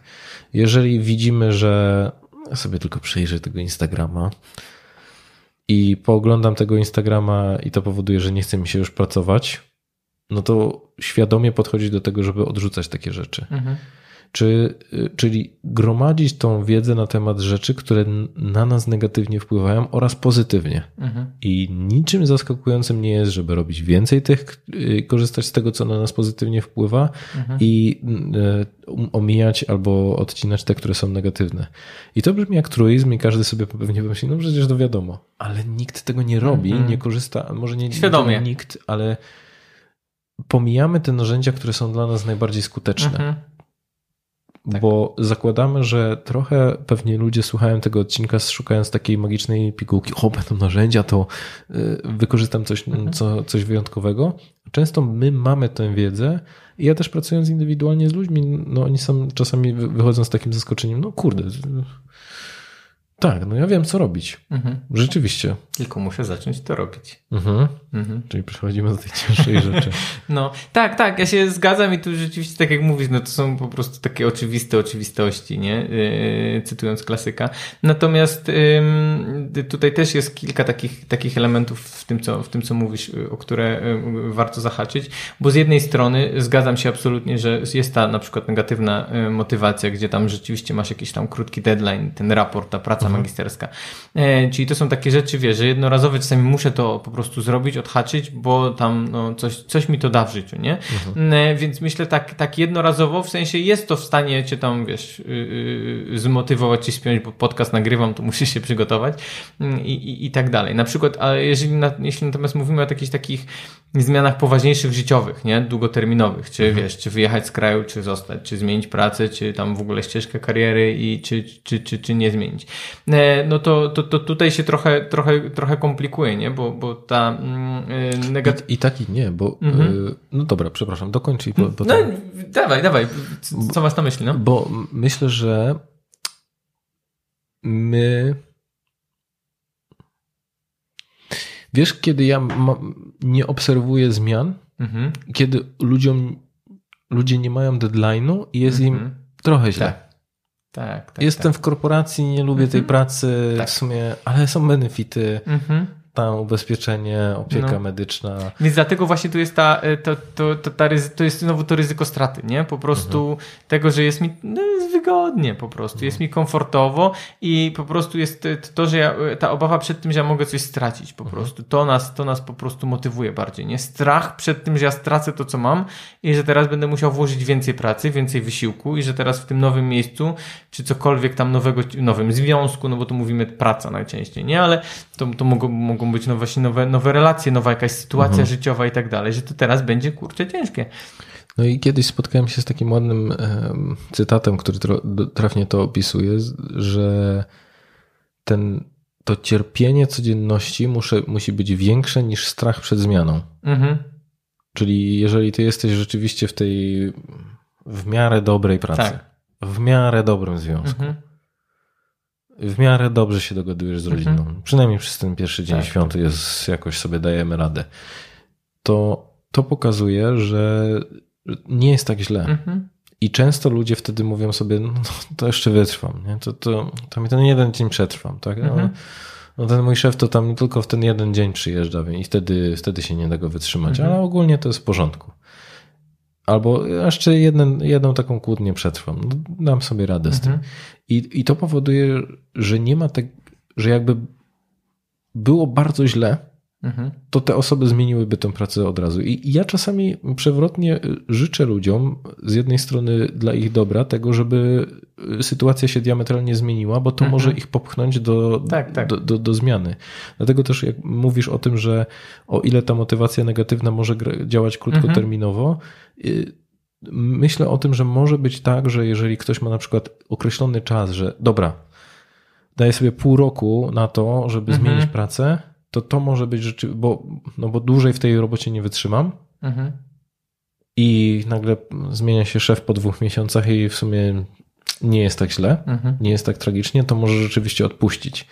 I dlatego też mówię o tym, mm, bo Bartek Czekała, który, mm, który zajmuje się językami, produktywnością, on mówi o takim bardzo specyficznym sposobie y, motywowania się, jakim Mhm. są zakłady. Nie wiem, czy, czy kiedyś gadaliśmy o Nie, tym. nie, nie.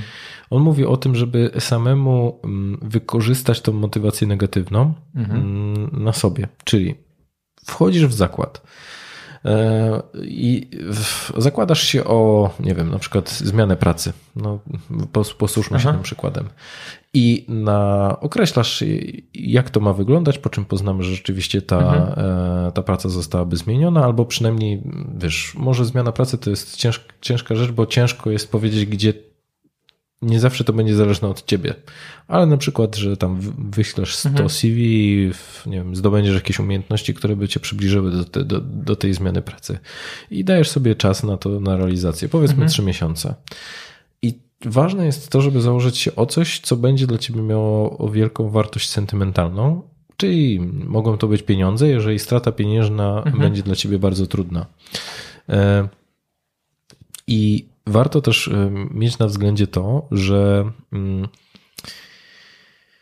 e, z jednej strony to są pieniądze, ale to na niektórych osoby nie działają, czyli można na przykład tym manewrować, czyli ok, to wpłacisz pieniądze na partię polityczną, której Mhm, nie lubisz mhm, mhm. I na przykład napiszesz o tym na swoim Facebooku. Czyli żeby jeszcze bardziej to, to podbić. Albo na przykład, jeżeli masz jakiś e, zegarek po dziadku, który dla ciebie bardzo dużo znaczy, no to Mhm. mówisz o tym, że to będzie coś, e, co, e, co, co, co będzie na szali. E, Tim Ferriss chyba w jednej ze swoich książek opisywał, że miał zdjęcia nago w takim mm, trykocie baletmistrzowym Okej. e, i jeżeli czegoś nie miał nie zrealizować, to Mhm. druga osoba miała to wrzucić do sieci. Okej. E, Więc te stawki potrafią być bardzo wysokie. To znaczy, że trochę kręcimy sami na siebie bat. Mhm. I zresztą chyba u wspomnianego Przemka Górczyka, Alicja Puścian, e, doktor Alicja Puścian też mówiła o, w kontekście ekonomii behawioralnej, na, Mhm. że to są bardzo skuteczne metody, gdzie my po prostu sami siebie Tak. zmuszamy do, te, do takiej pracy. Y, Ja parokrotnie stosowałem to na, na, na sobie i rzeczywiście to jest skuteczne. Mhm. E, Jasne, nie jest dla wszystkich z tego względu, że tutaj liczy się też odporność układu nerwowego, e, bo nie każdy będzie tak dobrze działał pod Mhm. Presją. pod presją. Myślę, że tutaj czasowość tej presji Mhm. jest ważna. Czy to będzie rzeczywiście zryw tygodniowy, czy półroczny. Mhm. No, dzięki temu ja się nauczyłem języka w pół roku na Mhm. jak, jakimś satysfakcjonującym poziomie. Bo ktoś miał twoje zdjęcia wrzucić. Nie, e, e, ja się założyłem o podcast, że jeżeli Okej. się nie nauczy, to go skasuję. Mhm. Okej. Więc e, rzeczywiście to, to było dla mnie takim, e, takim Mhm. wyzwalaczem. Okej. Więc to jest ciekawa metoda, nie dla wszystkich. Trzeba chociaż- dobrać narzędzie po prostu do osoby, tak Dokładnie. jak mówiliśmy, nie? Że Ale po prostu... ja też nie rezygnowałbym z tego. To Mhm. znaczy, że jeżeli nawet nam się wydaje, że ona nie jest dla nas, to Mhm. warto byłoby na przykład, nie wiem, z nami się założyć o coś takiego, bo e, co ciekawe, najczęściej zakładali się ze mną ludzie, którzy byli najbardziej sceptyczni co Mhm. do tej metody. Potem się przekonywali i na przykład robili coś dla siebie takiego bardzo wartościowego. Mhm. Czyli nie bagatelizowałbym tego, że warto byłoby to czasami zrobić, nawet jeżeli nam się ta, ta Na metoda nie, nie, nie, nie do końca podoba. Może Mhm. mam wrażenie, że to jest też rada, która dotyczy wszystkich metod, które będziemy omawiać. Mhm. Tak, pewnie tak. Natomiast to wiesz, y, tak, tak jak mówisz, no... Nie spodobała ci się. Nie, no nie, brzmi fajnie, brzmi fajnie, naprawdę. Ja nie, nie stosowałem na sobie, natomiast wychodzę z, y, też, też mam takie, mam takie przekonanie też, też wewnętrzne, że jak my się musimy do czegoś zmuszać, to, to, to zastanawiam się, czy, czy my tego naprawdę chcemy, nie? Ale y, w takim kontekście mm, y, może... No proszę cię, to jakbyś pogadał ze mną codziennie rano, No. to ja bym nie wstawał. Okej, no dobra, dobrze, masz rację. No dobrze, okej, w, takim, w takim kontekście tak. Pewnie, No. pe, pewnie to, to w zależności od takich porannych nawyków, wstawanie, bieganie i, My, i tak myślę, dalej. że to jest też pułapka Mhm. e, związana z kwestią e, z tym, że że często spotykam się z tym, że czy ja tego chcę, Mhm, bo mi się nie chce tego robić. mhm, Czyli trochę y, nie chcę poświęcić pracy, y, tego wysiłku y, związanego z tym, żeby coś osiągnąć. Bo my często widzimy, wiesz, no, te- tego Phelpsa na tym Tak. pierwszym, y, na, na podium, na pierwszym miejscu, ale nie widzimy całej tej pracy, którą on wkłada y, Mhm. w tą nudną, żmudną codzienność i może nam się wydawać wtedy, że ta motywacja to jest taki po prostu to jest ten zryw, który Mhm. będzie trwał, on bardzo szybko opada. Tak, Dlatego bo to musi przejść w nawyki, nie? I konkretne jakieś takie benefity, które, wiesz, nasz y, organizm, nasze ciało, czy w życiu zaczniemy, zaobs- zaobserwujemy i to Mhm. po prostu nam wejdzie, wejdzie w krew, nie? Pod tym kątem. Natomiast znowu ja mam, myślę o takich właśnie długoterminowych, jakichś tam większych zmianach, e, zmianach życiowych E, i może ten, to jest kwestia rzeczywiście pewnie indywidualnej preferencji, gdzie ja po prostu e, mam wrażenie i też e, myślę, że to jest mniej stresujące dla nas w ogóle życiowo, jeśli my na przykład, e, bo okej, jeśli to wszystko jest cały czas e, ta kwestia na przykład tej zmiany pracy, czy tego, czy zostajemy w związku, czy nie zostajemy w jakimś związku, to jest, to jest kwestia rzeczywiście takiej zimno-ciepło i, i tam okej, jesteśmy w takim w takim momencie zawieszenia, no, no to jest okej. Natomiast w momencie, gdy ja, znaczy, no nie jest okej, ale ja wolę rzeczywiście już w takim momencie zacząć się zastanawiać, czuję, że coś mi nie gra i co ja mógłbym zrobić i zacząć właśnie szukać tych, tych możliwości, czy tych kroków ewentualnie, żeby to życie za, zacząć odmieniać e, i sprawdzać, czy rzeczywiście mam na to zasoby, czego się boję, jakie są rzeczywiście z tym ryzyka, co się może stać najgorszego i, i, i tak dalej, sobie pozadawać takie pytania samodzielnie albo z kimś, niż na przykład pozwolić sobie dojść do takiej sytuacji właśnie skrajnej, w której gdzie rzeczywiście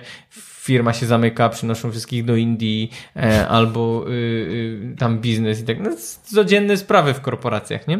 Em, albo rzeczywiście dochodzi już do jakichś naprawdę takich, y, nie wiem, traumatycznych wydarzeń w jakichś tam, wiesz, relacjach i tak dalej. Więc, y, i gdzie, gdzie naprawdę już nie masz wyjścia, tylko po prostu spakować walizki, nie? Więc ja mam poczucie, że ten moment takiego właśnie zimno-ciepło, gdy czuję, że coś, coś nie gra, nie mówię, że to od razu trzeba to zmieniać, bo znowu, może to jest tak, że, e, że ja patrzę na wszystkich innych tam, co wrzucają zdjęcia na Instagramie, właśnie pary, które gdzieś tam skaczą razem do basenu na Bali. I mam poczucie, że o Jezu, mój związek tak nie wygląda, to ja też tak muszę, nie? I, i, i potem mam takie poczucie, że się właśnie z kimś porównuję, e, a tak naprawdę to pytanie, czy ja tego chcę, czy nie chcę, może ja mam zupełnie inne rzeczy w tym związku, czy w obecnym życiu, które, wiesz, mnie satysfakcjonują, ale się po prostu porównuję nie z tym, z kim powinienem. No więc to jest kwestia zdiagnozowania tego. Tutaj cię zatrzymam, bo No. zaraz będę chciał pogłębić temat właśnie porównywania się, y, ale jeszcze wracając do. No i umknęła mi myśl.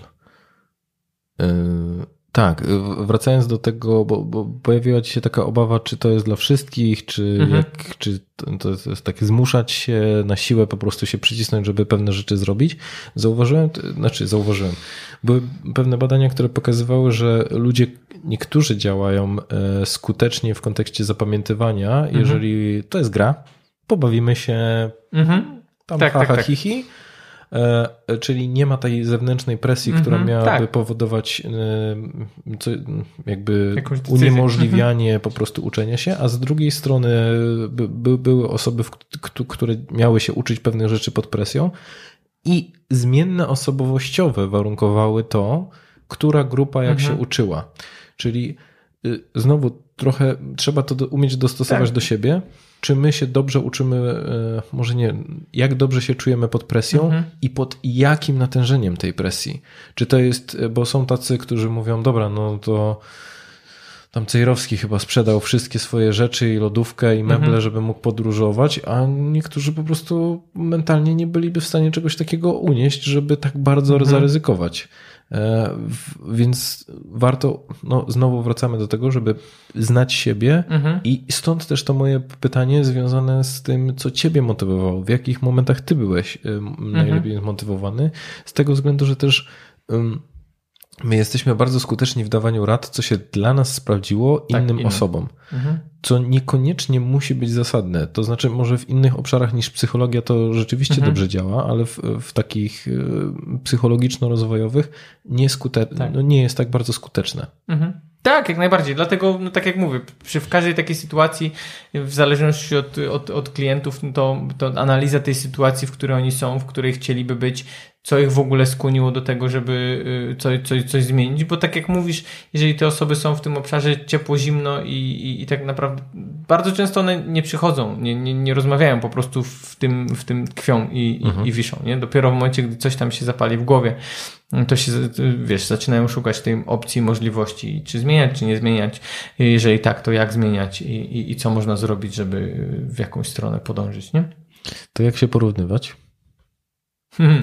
No, najlepiej się nie porównywać, nie? E, w sensie Wow. nie, nie, ma, nie ma, oczywiście to jest, wiesz, y, takie, takie, takie powiedzenie, że wiesz, no nie ma sensu, ale też wiemy wszyscy, że e, bardzo ciężko, nie? Się nie porównywać i że y, tak naprawdę to jest trochę taki naturalny nasz y, system, który, który się pojawia właśnie, gdy widzimy zdjęcie znajomych gdzieś tam na jakiejś rajskiej plaży.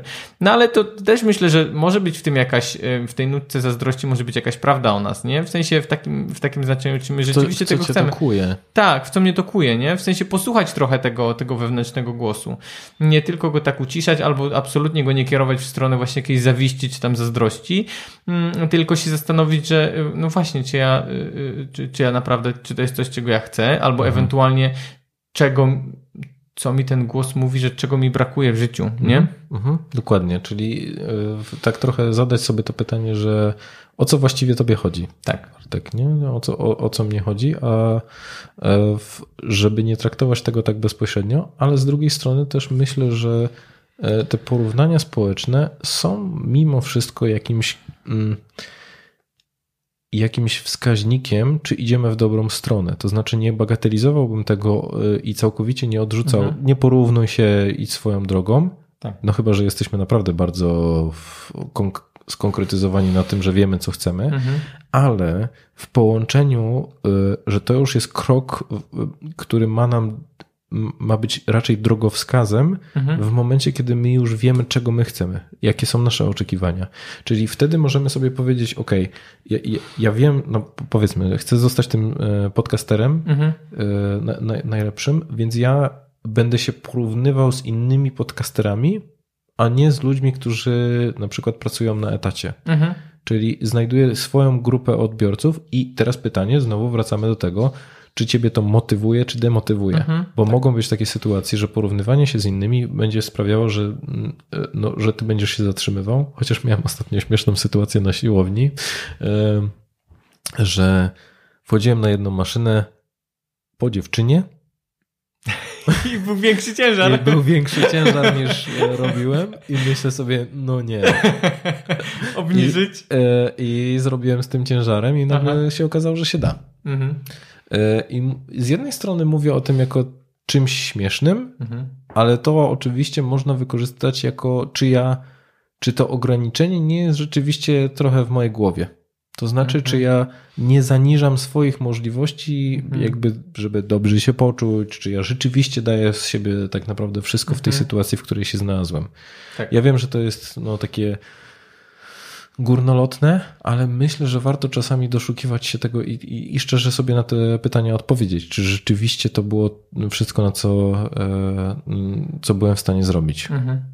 No bo my się, y, wiesz co, y, tutaj od razu y, odnosząc się do tego porównywania, no my się wielu rzeczy boimy, nie? I jest wiele w naszej głowie po prostu takich lęków, strachów, e, i, ale prawda jest taka, że wszyscy się boimy, nie? Zawsze jak zaczynamy czego, co robić cokolwiek, y, y, idąc gdzieś po raz pierwszy na siłownię, czy, czy zaczynając, wiesz, podcast, czy zmieniając pracę, w każdym jest jakaś, wiesz, taka, taka nutka po prostu stresu i ściśnięty, nawet nie nutka, ściśnięty żołądek i tam, Mhm. wiesz, nie jesz dwa dni.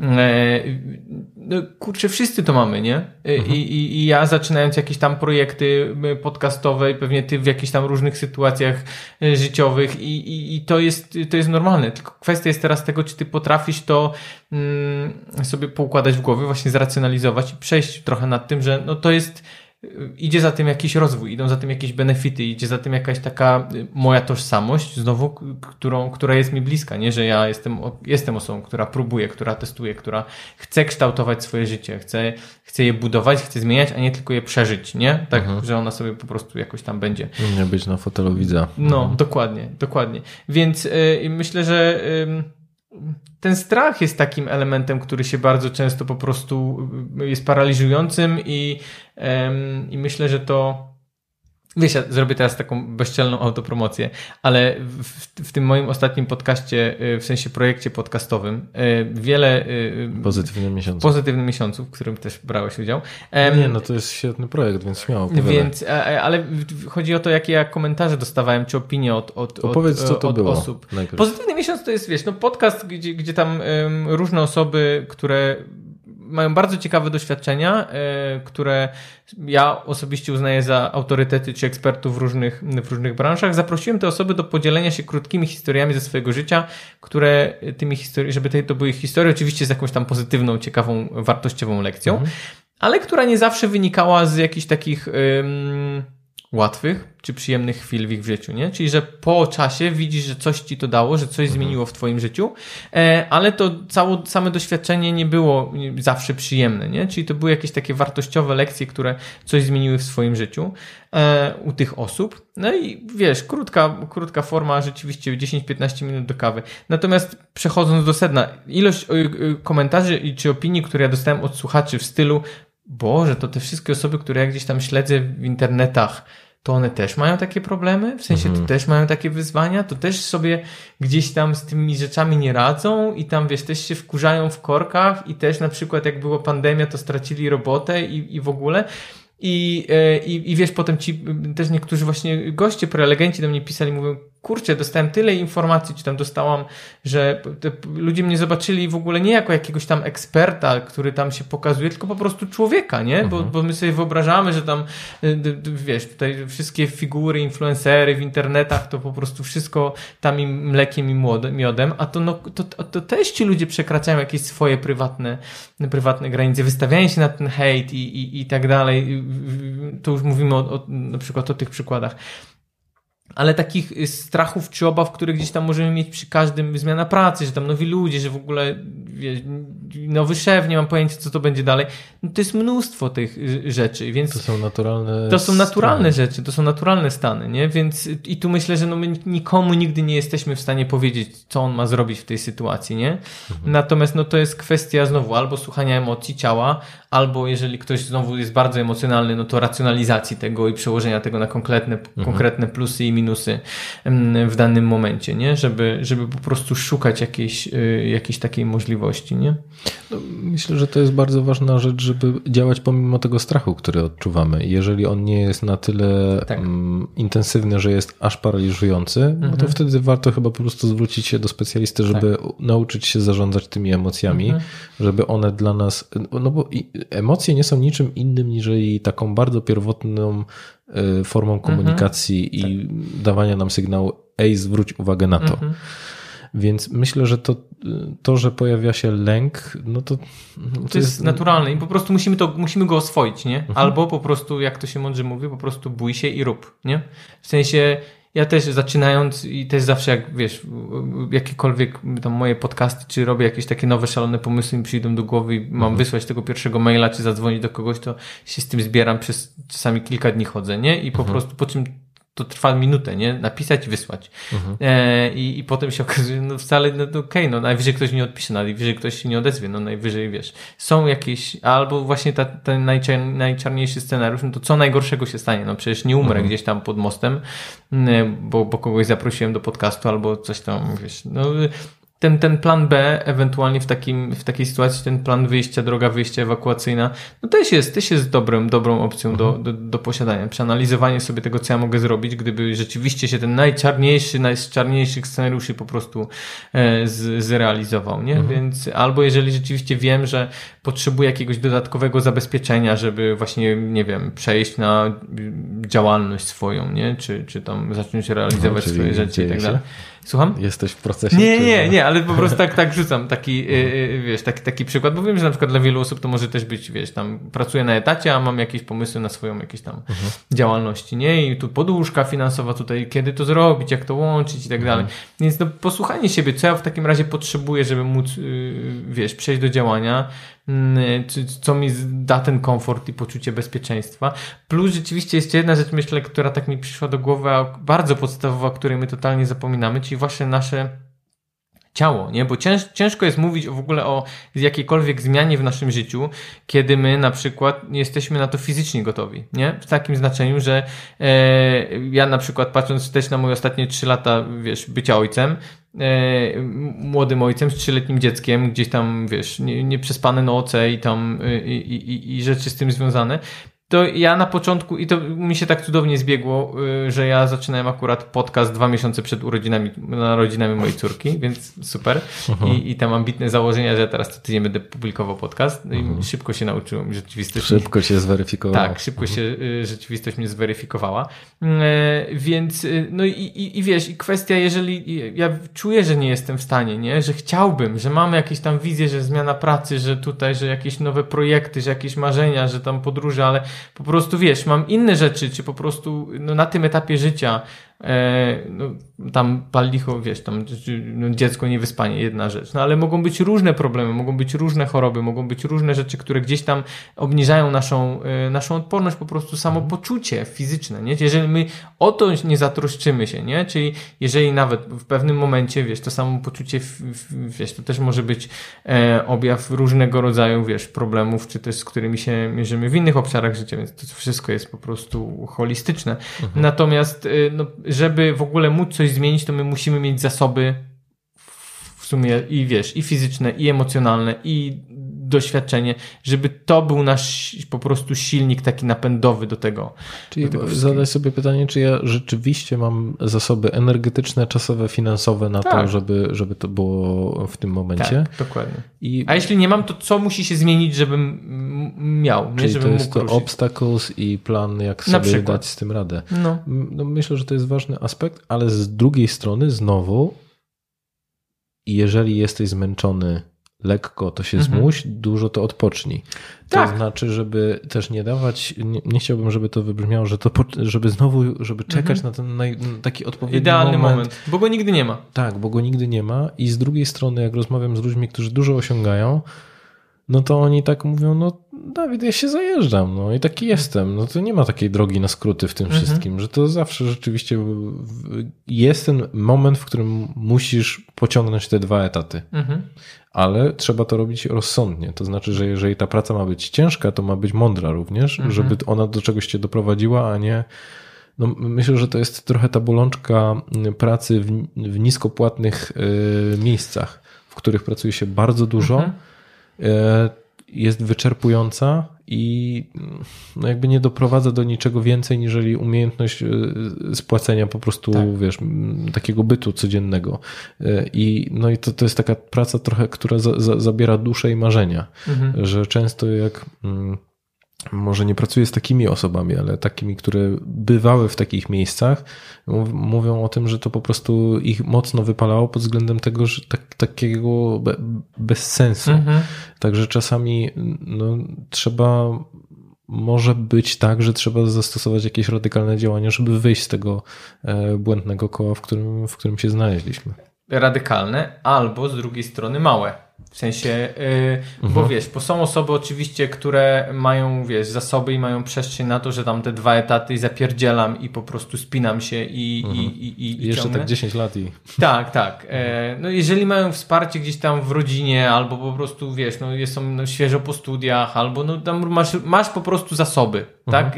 Jakiekolwiek, tak? Czy te energetyczne, czy czasowe, czy po prostu finansowe, bo to jest na kilku, na kilku tutaj poziomach, nie? No to, no to super, nie? No to, to, to, to dajesz, ale wyobrażam sobie, że może nas słuchać, wiesz, y, mama trójki dzieci, która pracuje gdzieś tam właśnie w korporacji, ma tam, chce jakiś sobie- biznes, e, nie wiem, y, swój odpalić jedną jakąś oso- osobową działalność gospodarczą, wiesz, tam mąż pracuje na etacie, no i, i, gdzie tutaj masz, wiesz, drugi etat, gdzie tu, tutaj dzieci, ja, wiesz, ja z jednym czasami po prostu, nie wiem, jak mi to dzień jest mija. niesamowite, nie? Jak ja słyszę, że ktoś ma trójkę dzieci, to... To jest, to jest y, y, po prostu nagrody i pokłony. Natomiast, y, no to wiesz, to, to wyobrażam sobie, że, że tutaj te, te osoby nas słuchają, mówią no chyba psy jaja sobie robicie, nie? Więc z drugiej strony, w tego typu sytuacjach, i to też jest, wiesz, na przykład idąc za, te, też mówiłeś o tej wyuczonej bezsilności Seligmana, to też psychologia pozytywna za tym idzie, e, e, cały efekt flow, e, który pokazuje w sensie y, w te momenty, w które, które nam dają energię, że mm, pierwsza rzecz, że y, my najbardziej jesteśmy tacy zmotywowani do działania, gdy ten wysiłek jest troszkę powyżej naszych możliwości obecnych, nie? Gdzie to jest w sensie tak, no to wysięgasz ręką po to jabłuszko i tak ci brakuje 2 centymetry z tej, do tej gałęzi, nie? Więc tak podskoczysz, podłożysz coś tam i, i już, już masz, nie? Czyli czujesz po prostu, musisz zrobić jakiś wysiłek i to jest taki moment, kiedy ty rzeczywiście ta motywacja się tak e, najłatwiej ją rzeczywiście uzyskać, bo jak coś za wysoko wisi, no to absolutnie to się poddajesz, jak jest za nisko, to się nudzisz.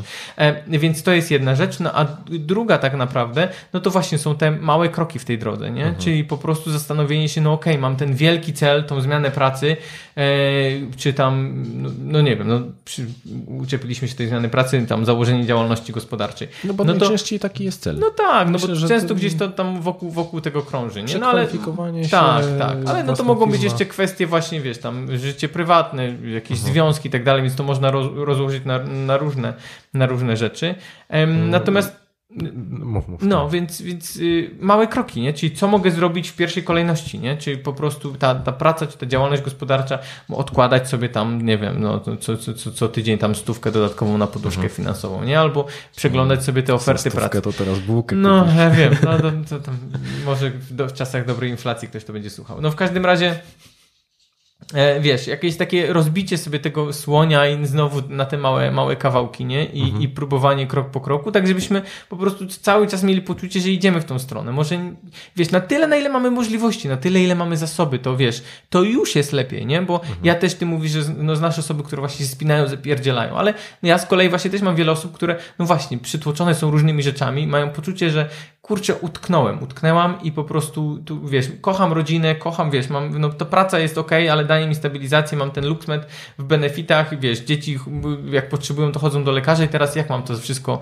wziąć, wziąć zastawić, nie? No to jakiś, wiesz, to, to, to, ten, to trzeba umieć zbudować sobie ten balans, w sensie i, i powoli iść w tamtą No, stronę. poczekać, aż cierpienie będzie na tyle duże, że się Albo, albo poczekać tak, albo jak się firma przyniesie do E. Indii, no to wtedy nie będzie wyjścia, nie? Nie, to tak wiesz, już prze, prześmiewczo o tym mówię, ale bo to takie podejście w, w niektórzy terapeuci tak podchodzą, że jak komuś termin nie pasuje, to znaczy, że za mało cierpi, Mhm. że, że, że ta motywacja do, do, do pracy nad sobą Mhm. nie, nie jest na tyle duża.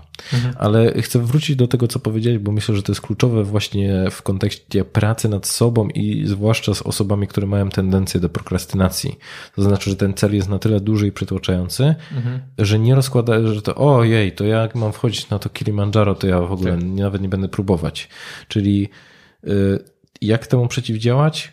Tak jak mówisz, zastanowić się nad tym, jakie, y, co mogłoby być taką, takim drobnym krokiem, który ja mógłbym wykonywać, który miałby mnie do tego doprowadzić, zastanowić się w ogóle, co mogłoby być tym pierwszym krokiem. Tak. I najczęściej ten pierwszy krok, i drodzy słuchacze, jeżeli mielibyście wyciągnąć chociaż jedną rzecz z tego odcinka, to to, żebyście zastanowili się, jaka jest ta pierwsza, drobna, najdrobniejsza rzecz, którą mielibyście zrobić w, w, w kierunku zmiany i ją zrobić dzisiaj. Mhm. Tak jakby zapauzować teraz, teraz, jakby serio, zapauzować teraz ten podcast i to zrobić, bo nie potem, Mhm. nie jutro, tylko właśnie teraz, w tym momencie. E, Bo my sobie będziemy gadać, a, a tu nie będzie zmiany. Tak.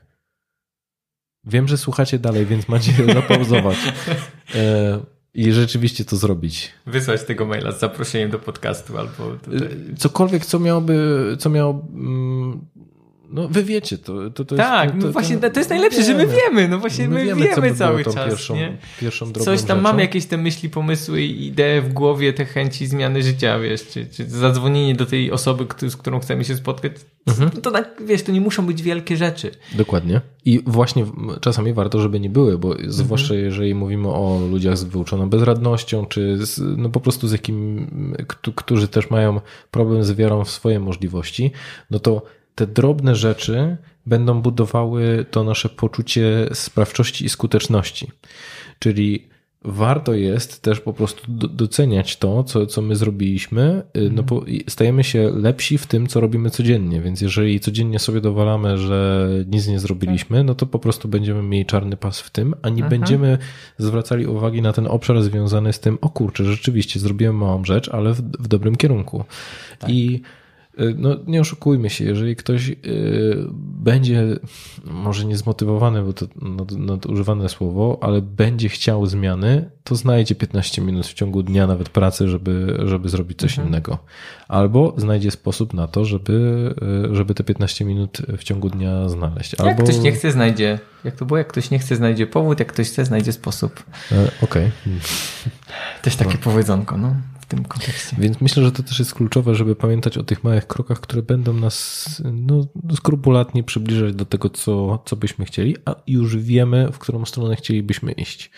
I myślę, że to też jest szalenie istotne w kontekście takiego planowania, bo często jak planuję mm, z, z, ludźmi w gabinecie tak od tyłu, czyli jaki jest efekt i powiedzmy, jakie musiałyby być kroki co miesięczne, no to się okazuje, że ojej, to ja to ja nie mogę odkładać tego 100 zł, tylko ja potrzebuję odkładać 2000 zł. I wtedy zmieniamy trochę optykę. Ok, to co możemy zrobić, żebyś był w stanie odkładać 2000 zł? E, No i to jest trochę inne pytanie, niżeli, ni- niżeli to, że ktoś obudziłby się w pewnym momencie z y, tą przysłowiową ręką w nocniku, no bo no, wydawało mi się, że to mnie doprowadzi, a okazuje się, że jakby rzeczywistość szybko to weryfikuje, że to nie jest możliwe. I trochę jest podobnie jak w kontekście, e, o którym ty mówisz, czyli ok, ja mam trójkę dzieci albo mam dziecko, no to jest nowa rola, więc nie wiem jak, jak się będę w tym sprawdzał, no ale zakładam, że tam będę publikował co, co tydzień, a się okazuje, że publikowanie podcastu zajmuje całkiem sporo czasu. To, to czy ja rzeczywiście będę miał na to przestrzeń. Tak. E, Że, żeby nie wierzyć w to, że i jakoś to będzie, tylko bardzo skrupulatnie podejść do tego, zaplanować i potem zaufać temu procesowi. Czyli jeżeli będziemy mieli plan, który będziemy dostosowywać, a też nie całkowicie na sztywno się go trzymać, to trzymać się go jakby od niego zależało nasze życie. Y, Bo mam wrażenie, że zbyt często, zbyt łatwo jest mm, powiedzieć sobie, no dobra, to jutro się tym zajmę. Mhm. Nie ma jutro. Mhm. I tutaj chcę też odnieść się do tego, e, do takiego artykułu. E, On nazywa się bodajże Tail End i on ciekawie pokazuje, że jest o wiele później niż nam się wydaje. I i trochę e, Mhm. przeczytam ci to na, w, w, w kontekście takich przykładów. No. Załóżmy, że mówimy o takiej osobie, która ma 30 lat. Nie? Teoretycznie, według tak danych GUS-u, jeżeli to jest mężczyzna, no to ma jeszcze 43 lata życia. Mhm. No i do końca życia e, zostało mu 430 książek do przeczytania, zakładając, że czyta 10 książek rocznie. 215 filmów w kinie, bo chodzi co 2-3 miesiące na jeden. Jedną operę, bo nie lubi, ale ktoś go jeszcze na pewno zmusi. 10 wyjazdów nad Polskie Morze, zazwyczaj jeździ raz na 4 lata. 10 openerów, tych festiwali muzycznych, no bo po 40 przestanie mu się chcieć. Mm, 1700 wypraw rowerowych, gdy w sezonie jeździ dwa razy w tygodniu. 10 zmian pracy, bo obecnie zmieniają co, co 4 lata. Ponad 6000 treningów na siłowni, kiedy chodzi na, na nie 4, 3 razy w tygodniu. 150 spotkań z rodzicami, Mhm. bo widuje się z nimi kilka razy w roku. To jest ciekawe, bo też w tym artykule było pokazane, że ty już spędziłeś, jeżeli nie mieszkasz z rodzicami, to już spędziłeś 90, ponad 90% czasu w twoim Mhm. życiu z nimi Mhm. i zostaje ci te kilka, kilka Tak, procent tak, tak. do wykorzystania. 10 mistrzostw świata w piłce nożnej do obejrzenia, 43 święta Mhm. Bożego Narodzenia, dwójka dzieci do wychowania, trzy auta do kupienia i jeden pies do zaadoptowania. I mm, ja też o tym mówię, bo to, to dla mnie jest bardzo motywujące, że myślę sobie, a nie pójdę na ten, na, na, na trening na siłowni, a to może jakby wybiję się z tego rytmu publikowania co dwa tygodnie. I potem myślę sobie, ojej, jak sobie rozpiszesz ważne dla ciebie rzeczy i przekalkulujesz tak Excelowo, ile ich zostało do końca życia dla ciebie, to każdy niezrobiony trening, każdy niewysłany mail, każdy, każde spotkanie z rodziną, którego nie odbyłeś, to ty już tego nie odzyskasz. Mhm. Jakby ma, to masz skończoną liczbę tych rzeczy. Czy ilość. Tak, tak, tak. I to jest jak, najbardziej przerażające i motywujące w założeniu, że to jest dla ciebie ważne, nie? Tak. Jeżeli, jeżeli to są takie rzeczy właśnie, które, które y, y, właśnie zdefiniujesz sobie jako te kluczowe elementy wartości w twoim życiu i zdasz sobie sprawę z tego, ile, ile tego jeszcze teoretycznie zostało, no, to, no to tak, to, to, to się, to, to, to jest, pojawia się, może się pojawić przerażenie w oczach i dobrze by było, żeby to był właśnie taki zapalnik do ewentualnie jakichś wprowadzenia zmian, co mogę zrobić, żeby było tego więcej, mniej, w sensie I częściej. znowu wracamy do tej osobowości. Czy to jest coś, co będzie ciebie motywować, czy demotywować? No bo Tak. można podejść nihilistycznie, to skoro to wszystko można policzyć, to jaki jest sens? Mhm. I co dalej? No a ja z drugiej strony jeszcze widzisz teraz yy, yy, to tak trochę w kontrze, chociaż może, nie, może nie do końca w kontrze, ale bardziej e, może też w jakimś stopniu takie, um, do, dopełnienie tego tematu e, a propos właśnie tego ilości, tej ilości czasu, która nam została. Cudowna książka, 4000 tygodni, to tu już polecamy kilka. E, Oliwiera Burkmana, też ostatnio bestseller, gdzieś tam krążący po różnych y, rekomendowanych blogach i, i nie tylko, która z kolei pokazuje właśnie, jak bardzo my się często w życiu przejmujemy rzeczami, które tak naprawdę nie mają sensu. W sensie, któ- które mamy, są nam narzucone, albo jak olbrzymią mamy potrzebę y, nabrania, w sensie takiego produktywnego spędzania czasu i wykorzystania w ogóle każdej minuty na, na po prostu na, na robieniu rzeczy, które uznajemy za y, obecnie na przykład w, życiu za jakieś tam ultra ważne. Już abstrahując od tego, czy już jesteśmy w, na przykład właśnie w tym momencie y, ciepło-zimno, że tam nic nam się nie chce, albo że tam czekamy na tą zmianę, y, albo czy rzeczywiście już mamy to takie życie, które chcieliśmy, no to chyba niewiele osób jest w stanie, w sensie fajnie, bo jak było jak najwięcej osób, które jest, jest, ma to takie życie jest w stanie powiedzieć, tak, jestem w takim miejscu, w którym chcę być. Natomiast, yy, wiesz, ta książka 4000 tygodni, no właśnie 4000 tygodni to, są- to jest tyle, ile, ile trwa średnio po prostu życie, życie człowieka tam bodajże do 70 czy tam 80 yy, yy, roku życia, a więc te W 4000 Polsce trwa krócej. no, e, natomiast wiesz, te 4000 już z jednej strony są takie, takie przytłaczające, e, natomiast to, co mnie mm, e, z ciekawej perspektywy zainspirowało, to też tam jest taka, taka fajna historyjka, e, czy taki fajny też przykład, troszkę tak jak ty podałeś tutaj o, o takim Exceliku, ile pewnych rzeczy, elementów w życiu e, nas czeka, to tam jest, tam jest podany taki przykład takich sytuacji, że no są na świecie osoby, które mają, tam żyją 100 lat. Mhm. E, możemy sobie, czyli zakładamy, że na, na każdym etapie istnienia po prostu ludzi, gdzieś tam jakaś taka jedna osoba, która pewnie na całym świecie, która dożywała tej setki, nawet jak tam średnia wieku była 30 lat, no to pewnie ko- komuś się tam zdarzyło. No i e, jak e, się zestawić i automatycznie układa nam się taka linia czasowa osób, które mają powiedzmy 100 lat, nie? Czyli od, je- jedna osoba się urodziła, czyli w tym samym momencie jedna osoba, która miała 100 lat umarła, czyli ta osoba, która się urodziła 100 I wiesz, robi nam się taka, taka, taki ciąg życia osób, stulatków troszkę na, na przestrzeni wieków. I, I okazuje się, że wiesz, od faraonów dzieli nas 35 takich osób. Nie? Od Henryka VIII 6. Okej. Od Chrystusa 20, nie? 20 stulatków. I wiesz, i sobie robisz, robisz tak, kurczę, czyli z jednej strony, wiesz, masz taką tą perspektywę, o której ty mówisz, właśnie tego, jak, jak wiesz, masz mało czasu, ile jeszcze rzeczy trzeba zrobić w życiu i w ogóle, a z drugiej strony patrzysz na to, że na, ten, na tą perspektywę takiego istnienia w ogóle czasu, wszechświata i swojej, swojego życia w ogóle w tym, w, w tym całym, w tej czaso, czasoprzestrzeni, i tak, tak, że to jest, wiesz, to jest tak krótko, nie? Że to jest jakiś błysk, nie? 35 osób, nie? Od tam y, faraonów, którzy budowali piramidy.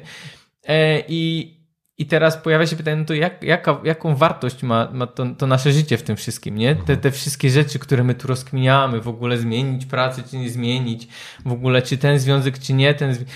Wiesz, i z jednej strony to jest przerażające, a z drugiej strony to jest tak cholernie wyzwalające, że my się przejmujemy, rozkminiamy tam jakieś takie rzeczy, czy właśnie pójść na tą siłownię, czy nie pójść, tutaj zadzwonić do kogoś, czy nie zadzwonić. Kurczę, to w perspektywie, wiesz, yy, w perspektywie tam najbliższych już tam palicho naszych 10 lat życia, nie? Mhm. Ale y, tam kolejnego wieku, nie?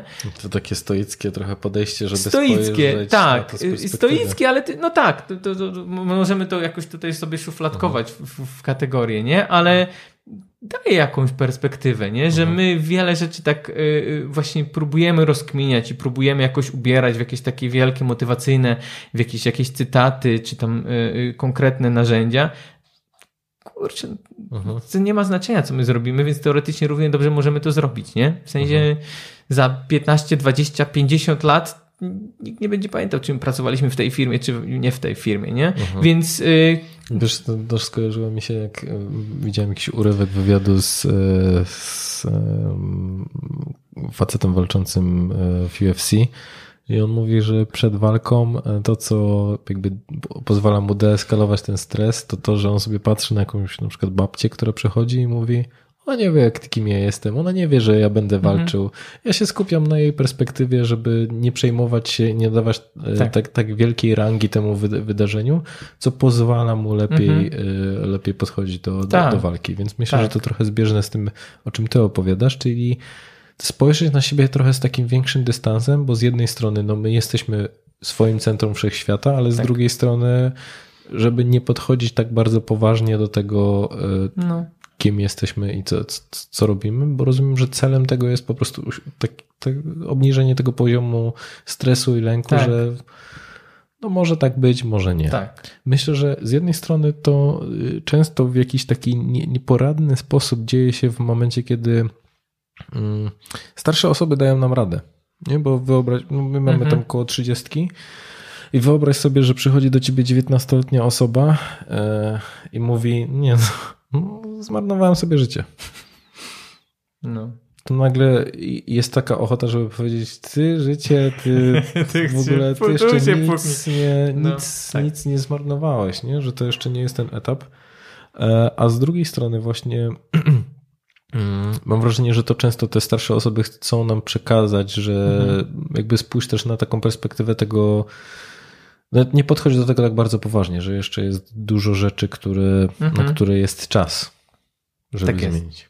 Tak. No i, i myślę, że kurczę, warto, tutaj jest taki, taki temat, który gdzieś tam mi się w tym wszystkim spina, warto mieć taki, albo się na, wyrobić sobie taki trochę życiowy optymizm, nie? I, i, i idącą za, tą, za, to, za, za tym wiarę w siebie. Mhm. Nie, bo to, bo to gdzieś nam się to wszystko spina. No jeżeli mamy takie poczucie, że Wiesz, ogarniemy. Sławek Prosakowski był ostatnio w podcaście i mówił, że to z tym optymizmem to tak, że mamy naprawdę mało wpływu No to. tak, ale wiesz, ale są, są, takie, są takie rzeczy, które jesteśmy w stanie sobie y, y, y, praktykować w kontekście może nie tyle pozytywnego myślenia jako takiego, Mhm. że tam, e, ale y, tak jak trochę mówiłeś, tych, tych zasobów, y, Mhm. które mamy, tych doświadczeń, które przeżyliśmy jakieś tam rzeczy, kurde, przeżyliśmy pandemię, przeżyliśmy jakieś tam, wiesz, y, wydarzenia różne jakieś życiowe. Zresztą No, nasze pokolenie to już kilka końców świata przeżyło, więc w sumie czemu nie. Mhm. nie się tak śmieję tych wszystkich tam asteckich i tak dalej. Natomiast ym, jest wiele rzeczy, które jak się nad tym skupimy i zastanowimy, to, to, no, to, no to daliśmy radę, nie? Ogarnęliśmy po prostu. Jakby nie było ze wszystkim daliśmy radę. No tak, no skoro jesteśmy w, w tym miejscu, gdzie, gdzie jesteśmy, nie? I ja absolutnie nie chodzę nie, nie, z tym optymizmem takim życiowym, to nie chodzi mi o to, że tu właśnie być takim wiesz, polianną, że tutaj wszystko jest super i w ogóle świetnie i tutaj ptaszki ćwierkają i w ogóle mhm. wszyscy będą mi rzucali płatki róż pod nogi. E, e, natomiast dawać sobie sprawę, że wiesz, że życie jest trudne i pojawiają się różne trudne sytuacje, natomiast uwierzyć w to, że mamy zasoby albo zadbać o to w pierwszej kolejności, o te zasoby, żebyśmy właśnie te fizyczne, emocjonalne, mhm. jeżeli widzimy tutaj jakieś pod tym kątem braki, żeby się troszkę tutaj y, zbudować, żeby potem przez te różne sytuacje potrafić przechodzić. A jeżeli już przechodziliśmy przez takie sytuacje, bo już parę rzeczy, parę serc mamy y, złamanych, albo tam, wiesz, y, CV nam się wzbogaciło, czasami nie z naszej woli, o, o jakieś dodatkowe pozycje, no to, no to kurczę, no poradziliśmy sobie z tym, nie? No to, mhm. no to mhm. co może, w sensie, y, nie tyle co może pójść jeszcze gorzej, ale w takim kontekście, że no, no dobra, no to jakoś to przeżyłem, no to dam radę, nie? Ogarnę, nie? Więc mhm. jak ja w takim razie mogę teraz to świadomie wykorzystać, w sensie w takim czarnym scenariuszu znowu, nie? Że przeżyję. A z drugiej strony, to jak ja mogę to świadomie wykorzystać, żeby, żeby realizować te moje wizje, które mam z tyłu głowy, nie? I te pomysły, pomysły na siebie, nie? Nazwać tą właśnie swoją to, tożsamość, nazwać te swoje zasoby, mhm. nazwać te swoje super umiejętności, talenty, wiesz, no ilość narzędzi, które jest teraz po prostu dostępnych, darmowych, niedarmowych, od galupów poprzez tam wszystkie e, inne, inne badania osobowości, które ci powiedzą, no w sensie, ja wiem, że tam są osoby, które na to patrzą tam z przymrużeniem oka, ale zawsze jesteś z tego w stanie wyciągnąć jakąś taką wartość, nie? Jeżeli możesz, wiesz, spytać ludzi w twoim otoczeniu właśnie, co, co cię wyróżnia, nie? Co mhm. jest tą twoją mocną stroną? Co oni w tobie widzą jako taką wartość? Więc to jest zresztą też yy, w Galupie się posługuje takim stwierdzeniem, czy, trzema krokami w ogóle pracy na takich swoich talentach. Name it, claim it, aim it. Czyli nazwij po prostu w pierwszej kolejności te talenty, mhm. yy, claim it, czyli po prostu oswój, nie? Po prostu mhm. yy, zastanów się w jaki sposób e, je wykorzystujesz, w jaki one sposób są obecne na co dzień w twoim życiu, gdzie, w których sytuacjach ty je wykorzystujesz wykorzystujesz. No i na sam koniec je wyceluj tak naprawdę w to, wiesz, w miejsce, w którym chciałbyś być, jak na przykład twoje mocne strony do tej pory ci pomagały i co możesz zrobić, żeby je świadomie na przykład teraz wykorzystywać w budowaniu relacji, mhm. w jakimś takim, wiesz, e, nie wiem, w, uczeniu się, czy, czy, czy właśnie, w, wiesz, w rozwoju osobistym jakkolwiek. No, ja absolutnie bym nie bagatelizował tego z tego względu, że nawet przygotowując się do tego odcinka natknąłem się na badania, które pokazują jasno, że e, wykonując czynności, w których my czujemy się dobrzy, to znaczy nie w takim sensie, że kompetentni, e, że, że mamy po prostu kompetencje, bo ogarniam Excela, mhm. chociaż pewnie w jakimś stopniu też, tylko że wykorzystujemy też coś, co jest naszą silną stroną, to jest samo w sobie dla nas motywujące, żeby podejmować te działania częściej. Mhm. Tak. Co jest absolutnie normalne, no bo jeżeli czujemy, że jesteśmy dobry, dobrzy Oczywiście, w kosza, no tak. to częściej gramy w kosza tak. I, I automatycznie to podbudowuje naszą tożsamość jako koszykarza, no bo skoro wiesz, to jesteśmy w tym dobrze, gramy często, no to jestem koszykarzem, nie? Mhm. I, I to się tak trochę nakręca, nie? Jest, mhm. y, robi nam się z tego takie, taka pętelka działania. Chciałem Cię też zapytać o, o, o Twoje zdanie na temat. Mm, ja często jestem skłonny mówić, że nie ma złej motywacji, jeżeli ona nie, krzy, nie krzywdzi kogoś innego. To znaczy, pamiętam tak kiedyś taką sytuację, kiedy y, mm, jeden z klientów opowiadał o tym, że to, co było dla niego takim wielkim kopem, to było rozstanie, e, mhm. kiedy on został e, zostawiony. I trochę w celu pokazania byłej, mhm. E, jakbym mocno zainwestował w swój rozwój mhm. w wielu aspektach, w wielu obszarach. I trochę z takimi wyrzutami sumienia, trochę tak niepewnie o tym właśnie opowiedział i ja powiedziałem, że nie widzę w tym absolutnie nic złego, jeżeli mhm. no, to jego wzbogaca, e, a naturalnie nie, nie, nie wpływa negatywnie na e, no, tak naprawdę na kogokolwiek innego. Mhm. Wiadomo, że warto przepracować to, żeby mm, to nie przekształciło się w jakąś taką chorobliwą, tak. chorobliwy napęd jako jedyny, ale na to chcę też zwrócić uwagę, że czasami te złe doświadczenia, e, smutek, gniew e, i te negatywne emocje, które no jakby są ciężkie mhm. dla nas, można przekuć też w takie paliwo, które gdzieś pozwoli nam wystartować. Oczywiście nie mówię o tym z tego względu, żeby prowokować potem potencjalnie takie sytuacje, tylko żeby w sytuacjach, kiedy dzieje się naprawdę coś złego, móc wykorzystać to po to, żeby, e, no żeby jakby zadbać o siebie, czy zawalczyć Mhm. o siebie. I często można się spotkać z tym, że ktoś coś zrobił, bo chciał komuś pokazać, że się jednak da. Mhm. E, I mogą być pozytywne aspekty czy efekty tego działań, które zaczynały się, no, można by powiedzieć, z negatywną motywacją, Mhm. to znaczy taką trochę brudną. I z jednej strony taka, nie chcę mówić, że psychologia, ale może taka, taka narracja, którą ja dostrzegam, jest związana właśnie z takim podążaj ze swoimi emocjami, rób właśnie w zgodzie z, z tobą.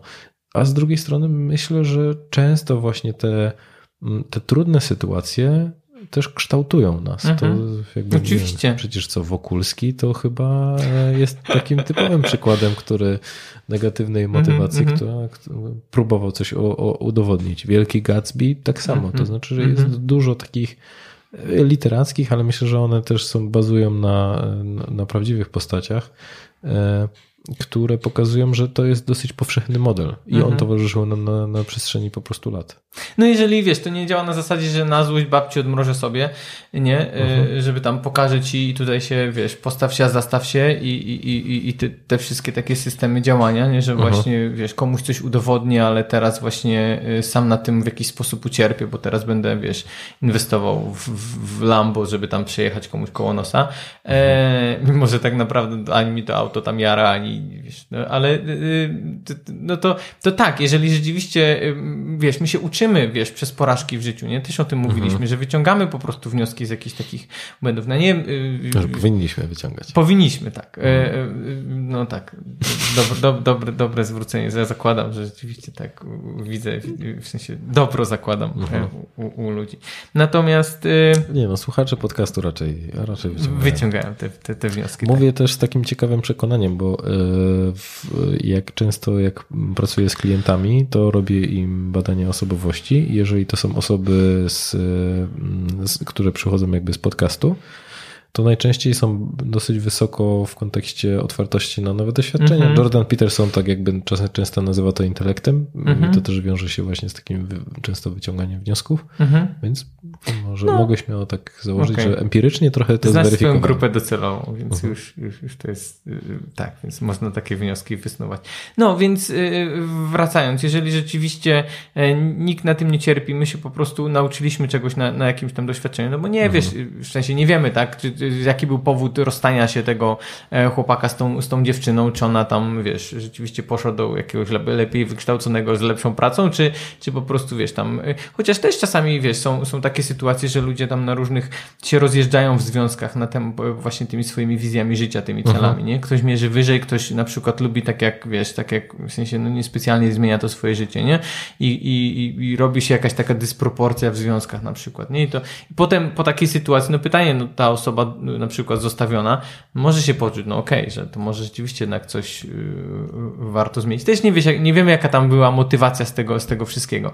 Natomiast yy, każda, każda lekcja i każda, yy, każdy krok, każda motywacja, która rzeczywiście nas pcha do, do zmienienia swojego życia na lepsze, zakładając, że rzeczywiście y, zastanowimy się rzeczywiście, co my chcemy, y, albo jak chcemy, żeby to życie teraz wyglądało, nie, że właśnie y, zastawiamy się i tutaj kreujemy coś totalnie na pokaz, bo, bo żeby teraz komuś coś udowodnić, no bo to, zakładam, że ta osoba, powiedzmy ta pa- partnerka, no ona też nic z tego nie będzie miała, ale chodzi o to, żebyśmy my nie, nie kopali pod sobą większych dołków w tej sytuacji, nie? Jeżeli z nami to jest ok i, i czujemy, że to jest taki moment, żeby dobra motywacja po prostu do takiej zmiany, to czemu nie? Dobra, Bartek, jak miałbyś powiedzieć, to ciebie, to jakim jest e, jedno narzędzie, które by tobie w kontekście motywacji i zabierania się do działania najbardziej pomogło, to co byś wskazał? Z mojego doświadczenia, Mhm. co mi najbardziej pomogło? Mi, wiesz co, ja jestem wizjonerem. Mhm. Mnie motywuje wizja po prostu życia, y, którą mam przed sobą. Ja, ja ciągle żyję trochę y, w przyszłości. W sensie ilość szalonych pomysłów, które gdzieś tam mi się, mi się kręci w głowie, to jest y, y, y, y, nieskończona. Więc y, ja, wiesz, nazwanie trochę tej umiejętności, nie? Nazwanie tej, tego talentu troszkę, trochę u siebie, nie? I z jednej strony nałożenie takiego kagańca, żeby wiesz, żeby, to, żeby nie żyć wyłącznie w przyszłości i, Mhm. i, i nie skupiać się tylko na tym wszystkim, co tam może być, jak to życie może wyglądać zarąbiście, tylko rzeczywiście też żyć dniem dzisiejszym, no bo to też, też o to chodzi. Ale ja myślę, że dzięki temu i trochę robiąc to, ten, ten proces, o którym ty wspomniałeś, nie? że widzę jakąś tam wizję e, siebie za x tam lat i co musi się zadziać wcześniej, dzielę sobie te kroki wstecz do dnia dzisiejszego, żeby ewentualnie, e, czyli od czego mogę, czyli co muszę zrobić jutro, nie? Żeby za te x lat gdzieś tam, gdzieś tam być. To na przykład działa, e, działa w moim przypadku. I jeszcze jedna rzecz, która u mnie występuje, a, a z którą też się mierzę i, i, i uczę się w sensie y, na przestrzeni jakiegoś tam ostatniego czasu też z tego korzystać, to jest ym, może społeczności, ale też mówiłeś trochę o tym wsparciu innych ludzi, nie? E, I bo nie jesteśmy samotnymi wyspami, nie? E, I dobrze jest jednak mieć y, kogoś, kto cię czasem wysłucha i poklepie po ramieniu i y, Nieocenione to jest moim zdaniem. tak, i nawet jeżeli to ty masz zrobić tą, tą całą brudną robotę i, i, i ty po prostu musisz wstać z rana o tej piątej tam ruszyć i, i za, zabrać się do roboty, to jednak ktoś, kto rzeczywiście cię w tym wspiera, czy to właśnie jest rzeczywiście jakiś przyjaciele, w ogóle nie wyobrażam sobie na przykład związków, nie? w których ktoś ma jakieś tam wizje, cele, plany, a, a tutaj druga osoba kogoś tam podkopuje, nie? Albo, e, albo tam nawet nie, nie tyle, że podkopuje, no ale też po prostu ignoruje, no rób sobie co tam Zawsze chcesz, nie? rozbieżne są te cele. Tak, tak, tak. Więc, więc takie, wiesz, yy, takie wsparcie, już nawet wracając do tego pozytywnego miesiąca, to był dla mnie straszny, to było wyzwanie, bo ja ten, co nie powiedzieliśmy, to ten pozytywny miesiąc, on był, polegał na tym, że przez cały miesiąc. luty, tak, trwał miesiąc, on trwał przez cały luty yy, 23 roku i, i co, codziennie przez cały miesiąc tam się pojawiał nowy odcinek podcastu, więc ja po prostu yy, bałem się jak cholera iść do żony i powiedzieć, że wymyśliłem taki pomysł, yy, że po- teraz ja będę montował 28 odcinków i będę je publikował codziennie. Yy, Wiadomo, że to nie jest tak, że z dnia na dzień wszystko działa, ale były momenty. E, I, I to jednak ja, ja po, tym, po tym całym lutym byłem, byłem wykończony, ale bym się za to nie zabrał i bym w ogóle nie ruszył, gdybym nie miał wsparcia w ogóle w mojej rodzinie, nie? W mojej żonie szczególnie, nie? E, no bo, bo, bo to kurczę, no, no nie da się, no. no, no jak nie masz takiego, takiego poczucia, że ktoś ci kibicuje, że ktoś cię wspiera, że y, masz z kimś, o, wiesz, pogadać, przegadać jakieś tam wyzwania, że na koniec dnia po prostu już padasz i mówisz, otwórzmy paczkę, pudełko lodów i po prostu włączmy Friendsów na Netflixie, czy tam gdziekolwiek i, i, i, i wiesz, żeby mieć jakieś takie wzajemne zrozumienie trochę, trochę w tym wszystkim, nie? Że jest ktoś, kto cię, kto cię doładuje, nie? Więc to mogą być bliscy przyjaciele, no ale wiesz, są i społeczności teraz, i, wiesz, y, internetowe, gdzie można naprawdę znaleźć ludzi, którzy, jeżeli nie masz takich ludzi dookoła siebie, nie? To, to, to można znaleźć osoby, czy to też jest właśnie kwestii, w kwestii budowania już nawyków bardziej, ale jeżeli I to też pewnie potwierdzone, tam w atomowych nawykach też przez, jest o, o, tym, o tym wspomniane, że yy, wiesz, jednym z podstawowych kroków do zmiany to jest właśnie otaczanie się ludźmi, czy w ogóle wpływ na środowisko w ogóle. Wiesz, jeżeli w jednym środowisku masz jakiś nawyk zły, no to wystarczy zmienić czasami środowisko, żeby po prostu ten nawyk wyrugować, nie? I żeby, a, i działa w drugą stronę, nie? Jeżeli w jakimś środowisku coś nie działa, masz jakąś problem, żeby ruszyć do działania, to czasami wystarczy właśnie, wiesz, nowe miejsce, czy, czy wiesz, masz problem, żeby się skupić z pracą w jakimś tam pokoju, to idziesz pracować, nie wiem, zmieniasz, idziesz do kawiarni, zmieniasz otoczenie, mentalnie chociaż i, i żeby zupełnie uruchomić jakieś tam nowe połączenia w głowie. No i tak Myślę, że to jest szalenie ważny aspekt, bo są ludzie, którzy rzeczywiście działają bez wsparcia i są takimi samotnymi wyspami, ale zdecydowana większość ludzi taka nie jest. I jeszcze Mhm. myślę, że można uzyskać tutaj odwrotny efekt, że patrząc na, na tych ludzi, myślisz sobie, kurczę, oni dają radę, próbujesz Mhm. samodzielnie i okazuje się, że rozbijasz się o mur po prostu takiego braku wsparcia i nawet, czy nawet kogoś, kto ci powie, Tak. dobry pomysł, dawaj, nie? Jakby kibicuję No. e, trzymam kciuki, albo jak czegoś będziesz potrzebował, to dawaj znać. A z drugiej strony y, w, wielokrotnie, kiedy pytam gdzieś w trakcie warsztatów e, ludzi tak zaczepnie, co, kiedy byli najbardziej zmotywowani, co ich najbardziej Mhm. motywowało, to wielokrotnie pojawia się e, co ciekawe, bardzo często w kontekście osób, które zarządzają, że w ogóle do tej roli zachęcił kto, ich Mhm. ktoś. ich menedżer, ich Tak. tam jakiś mentor, czy ktoś w pracy, kto, kto powiedział, słuchaj, masz predyspozycję, dawaj. Mhm. Ja nie mam. Mhm. No dawaj, nie? I że to były takie osoby, które widziały więcej w nas, niżeli my sami. Tak, I tak. warto jest to, żeby, żeby gdzieś trzymać się tych, e, tych osób. I świadom, albo świadomie właśnie też budować taką, taką Mhm. sieć. Jeśli mamy takie nieszczęście, że takich osób na przykład nie mamy w swoim otoczeniu, Mhm. no to naprawdę ilość tych wirtualnych coworkingów, czy naprawdę społeczności, które gdzieś tam są dostępne i dzięki którym naprawdę można sobie zbudować na, y, y, jakieś fajne sieci y, kontaktów, czy, czy zgadywać się z ludźmi, którzy mają podobne cele i, i jakieś motywacje, e, żeby się właśnie napędzać do działania, wiesz, czy mastermindy, czy, czy partnerzy produktywności. No, multum jest tego, naprawdę wystarczy, w- wiesz, ja mogę kilka grup takich też gdzieś y, sam, sam obserwuję i, i sam też biorę w tym udział i, i to też daje, daje, daje energię i to już nie w kontekście takiej właśnie złej zawi- w sensie napędzania się taką zawiścią i porównywaniem do innych. y, y, y, Pójdę na konferencję, pokazać Tak. sobie, jak jestem beznadziejny, żeby...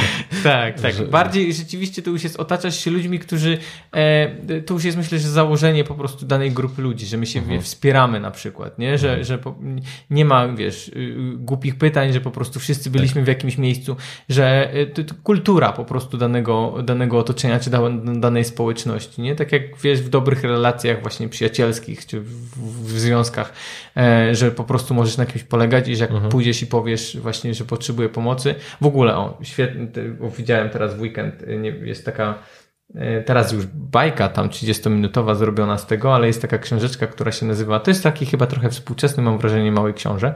E, Książka, książeczka się nazywa Chłopiec, Kret, Lis i Koń. E, I teraz w ogóle na Apple TV wleciał, y, wleciał 30-minutowy taka wersja animowana tej bajeczki i jest tam taki cytat, który ze mną właśnie został, nie? Najmocniej właśnie, że ten chłopiec pyta się, bo tam chłopiec szuka drogi do domu i w tej drodze metaforycznej go tam wspierają te trzy zwierzątka i się pyta ten chłopiec właśnie, jaka jest najodważniejsza rzecz, jaką, jaką kiedykolwiek powiedziałeś i ten, i ten chyba koń tam mówi, że pomóż mi, nie? Więc yy, no, no to jest, to jest coś takiego, nie? Że po prostu jesteś w stanie pójść, poprosić, powiedzieć, nie? Jeżeli to jedna rzecz to jest w tobie, musisz mieć tą siłę, na to siłę, bo wiele osób to postrzega jako słabość, no a z drugiej strony właśnie mieć wokół siebie ludzi, którzy na to odpowiedzą, nie? Mhm. Super, fajne pytanie. Ja ze swojej strony jeszcze dodałbym tutaj mm, zarządzanie dopaminą. To Mhm. znaczy, żeby być bardzo ostrożnym na kwestie związane właśnie z serialami, z, e, z Instagramami, social Mhm. mediami, które są tak projektowane, żebyśmy my nie byli w stanie z Mhm. nich wyjść. I mało osób zdaje sobie z tego sprawę, że że z tym się nie da wygrać. Tak? Shortsy są tak wciągające, tak. e, W, e, to, o, mo, mogę też podać Ci taką cie- ciekawą prze- przesłankę, że e, w, zacząłem tworzyć shortsy we współpracy z, z Filipem. No i na początku było bardzo dużo minek, tak jakby Mhm. bardzo dużo się tam działo. I to ludzie zwracali uwagę, że jakby mm, trudno im się skupić na treści tego shortsa. Mhm. Co ciekawe, zrezygnowaliśmy z tego, jest po prostu, wiesz, sam tekst. I co ciekawe, na TikToku, y, tam gdzie jest sam tekst, jest o wiele mniej wyświetleń. Mhm. Czyli naturalnie ludzie byli po prostu bodźcowani, a nie skupiali się na samym, Mhm. na, na, na samej treści tego. I ja też zauważyłem, że często oglądam jak, jakiegoś shortsa, Mhm. który po prostu bodźcuje mnie na tyle, że ja nawet nie skupiam Tak. się na tym, nad czym on jest, ale mam wrażenie, że jejku, ale się dużo nauczyłem. Mhm. E, Więc trzeba być bardzo ostrożnym e, i wręcz chyba tak być dla siebie takim rodzicem, który mówi, no, no, no, tylko pół godziny i ani minuty Tak, dłużej. Tak, tak. E, Z tego względu, żeby też nie pompować się tą pustą dopaminą. Był jeden taki ciekawy eksperyment, w którym zostawiano ludzi w pokoju samych sobie. I mieli mm, do, jedyną rzecz, która tam była w tym Mhm. pokoju, to była maszyna Mhm. do rażenia siebie prądem. Mhm. Mhm. I co robili ludzie, jak się bardzo nudzi? Razili się. Razili się prądem. E, I mówię o tym w kontekście tego, że jeżeli my odetniemy się od tej pustej dopaminy social mediowo, serialowej, e, takiej, która Boże, co ja mam robić? Nam, nam nic nie da, spowoduje, że my możemy się brać za najprawdopodobniej za czynności, które nawet nie wydają nam się e, atrakcyjne w tamtym Mhm. To znaczy, często się właśnie słyszy takie historie, że jak byłam na studiach, to e, zamykałem się w tam w pokoju w akademiku, w którym nic nie było, e, wtedy nie było internetu, więc Mhm. po prostu się uczyłam, że brak innych, ciekawszych Mhm. możliwości też może być dla nas motywujące na takiej zasadzie, że to my trochę sami zmusimy się do tej pracy. Mhm. I często w gabinecie y, spotykam się z takimi zarzutami, że no ja prokrastynuję, nie mogę się zebrać do pracy, czekam na ostatni moment, aż mnie dociśnie ten deadline, a potem nie jestem zadowolona Tak. z tego, co zrobiłem. E, I, I najczęściej wynika to z tego, że my mamy zbyt dużo atrakcyjniejszych bodźców, niżeli Mhm. ta, ta praca, która nie zawsze jest dla nas porywająca. I też y, mówię o tym, że no dobra, to, to przede wszystkim włączamy e, wszystkie programy uniemożliwiające korzystanie z tego, na przykład Mhm. w konkretnych godzinach i tyle. Uważamy, jakby traktujemy siebie, że, że my, my jesteśmy słabsi psychicznie niżeli banda inżynierów w Dolinie Tak, Krzemowej, tak. która pracuje na to, żebyś ty kliknął i jeszcze jednego, Mhm. i jeszcze jednego, i jeszcze jednego. Zwłaszcza, że też osoby, które no, podejmują się tego de- de- detoksu dopaminowego, czyli decydują się na to, żeby świadomie nie korzystać z tych narzędzi, mówią, że to jest bardzo uwalniające, że no jednak ma to negatywny wpływ na, na to, jak my Mhm. funkcjonujemy.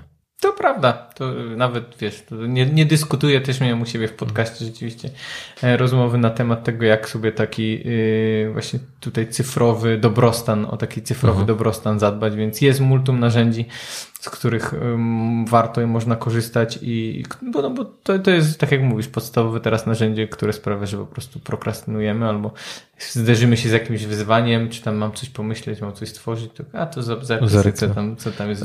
Zwłaszcza, że charakterystyczna rzecz jest, e, którą widzę, jest taka, że jak tylko pojawia się pierwsza przeszkoda, czyli na przykład nie Tak. wiem co zrobić, to Tak. sięgam po telefon, Mhm. żeby na, na, chwilę pozwolić sobie o tym, żeby, żeby o czymś nie myśleć. Znaczy podcasty są ok, podcastów można słuchać i oglądać, także e, Dobra. Rozgrzeszamy. Bartek, słuchaj, no myślę, że mamy e, całkiem sporo narzędzi, także jak zwykle dziękuję, no bo rozmowa No, z tobą to jest, to, jest, to, to jest przyjemność. Mm, ostatnie słowo dla, do słuchaczy? Myślę, że to, co chyba powiedzieliśmy, chciałbym, żeby wybrzmiało, że my wszyscy wiemy, co my byśmy chcieli. W sensie podskórnie trochę y, mamy takie przekonanie, czego nam brakuje.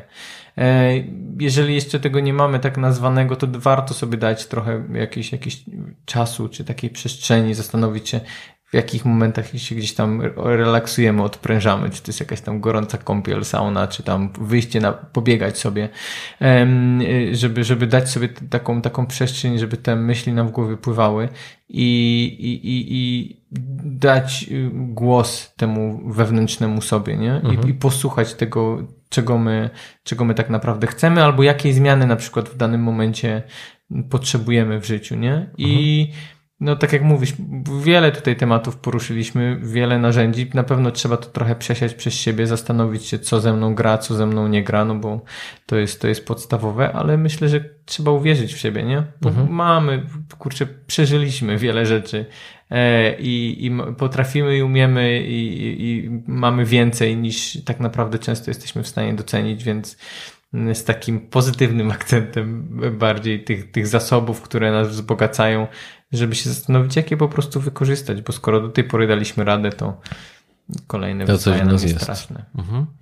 A ja wrócę do tego, co mówiłem, że to jest drugi moment na to, żeby zrobić pauzę i zrobić tą pierwszą rzecz, jeżeli w tamtym przypadku nie zrobiliście.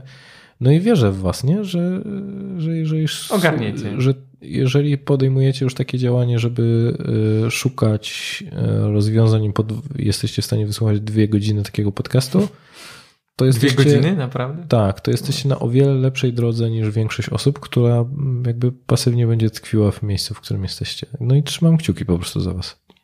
Ja również. Dzięki. Dzięki. Dzięki wielkie. Słuchasz podcastu charyzmatyczny. Zasubskrybuj, daj kciuk w górę lub skomentuj.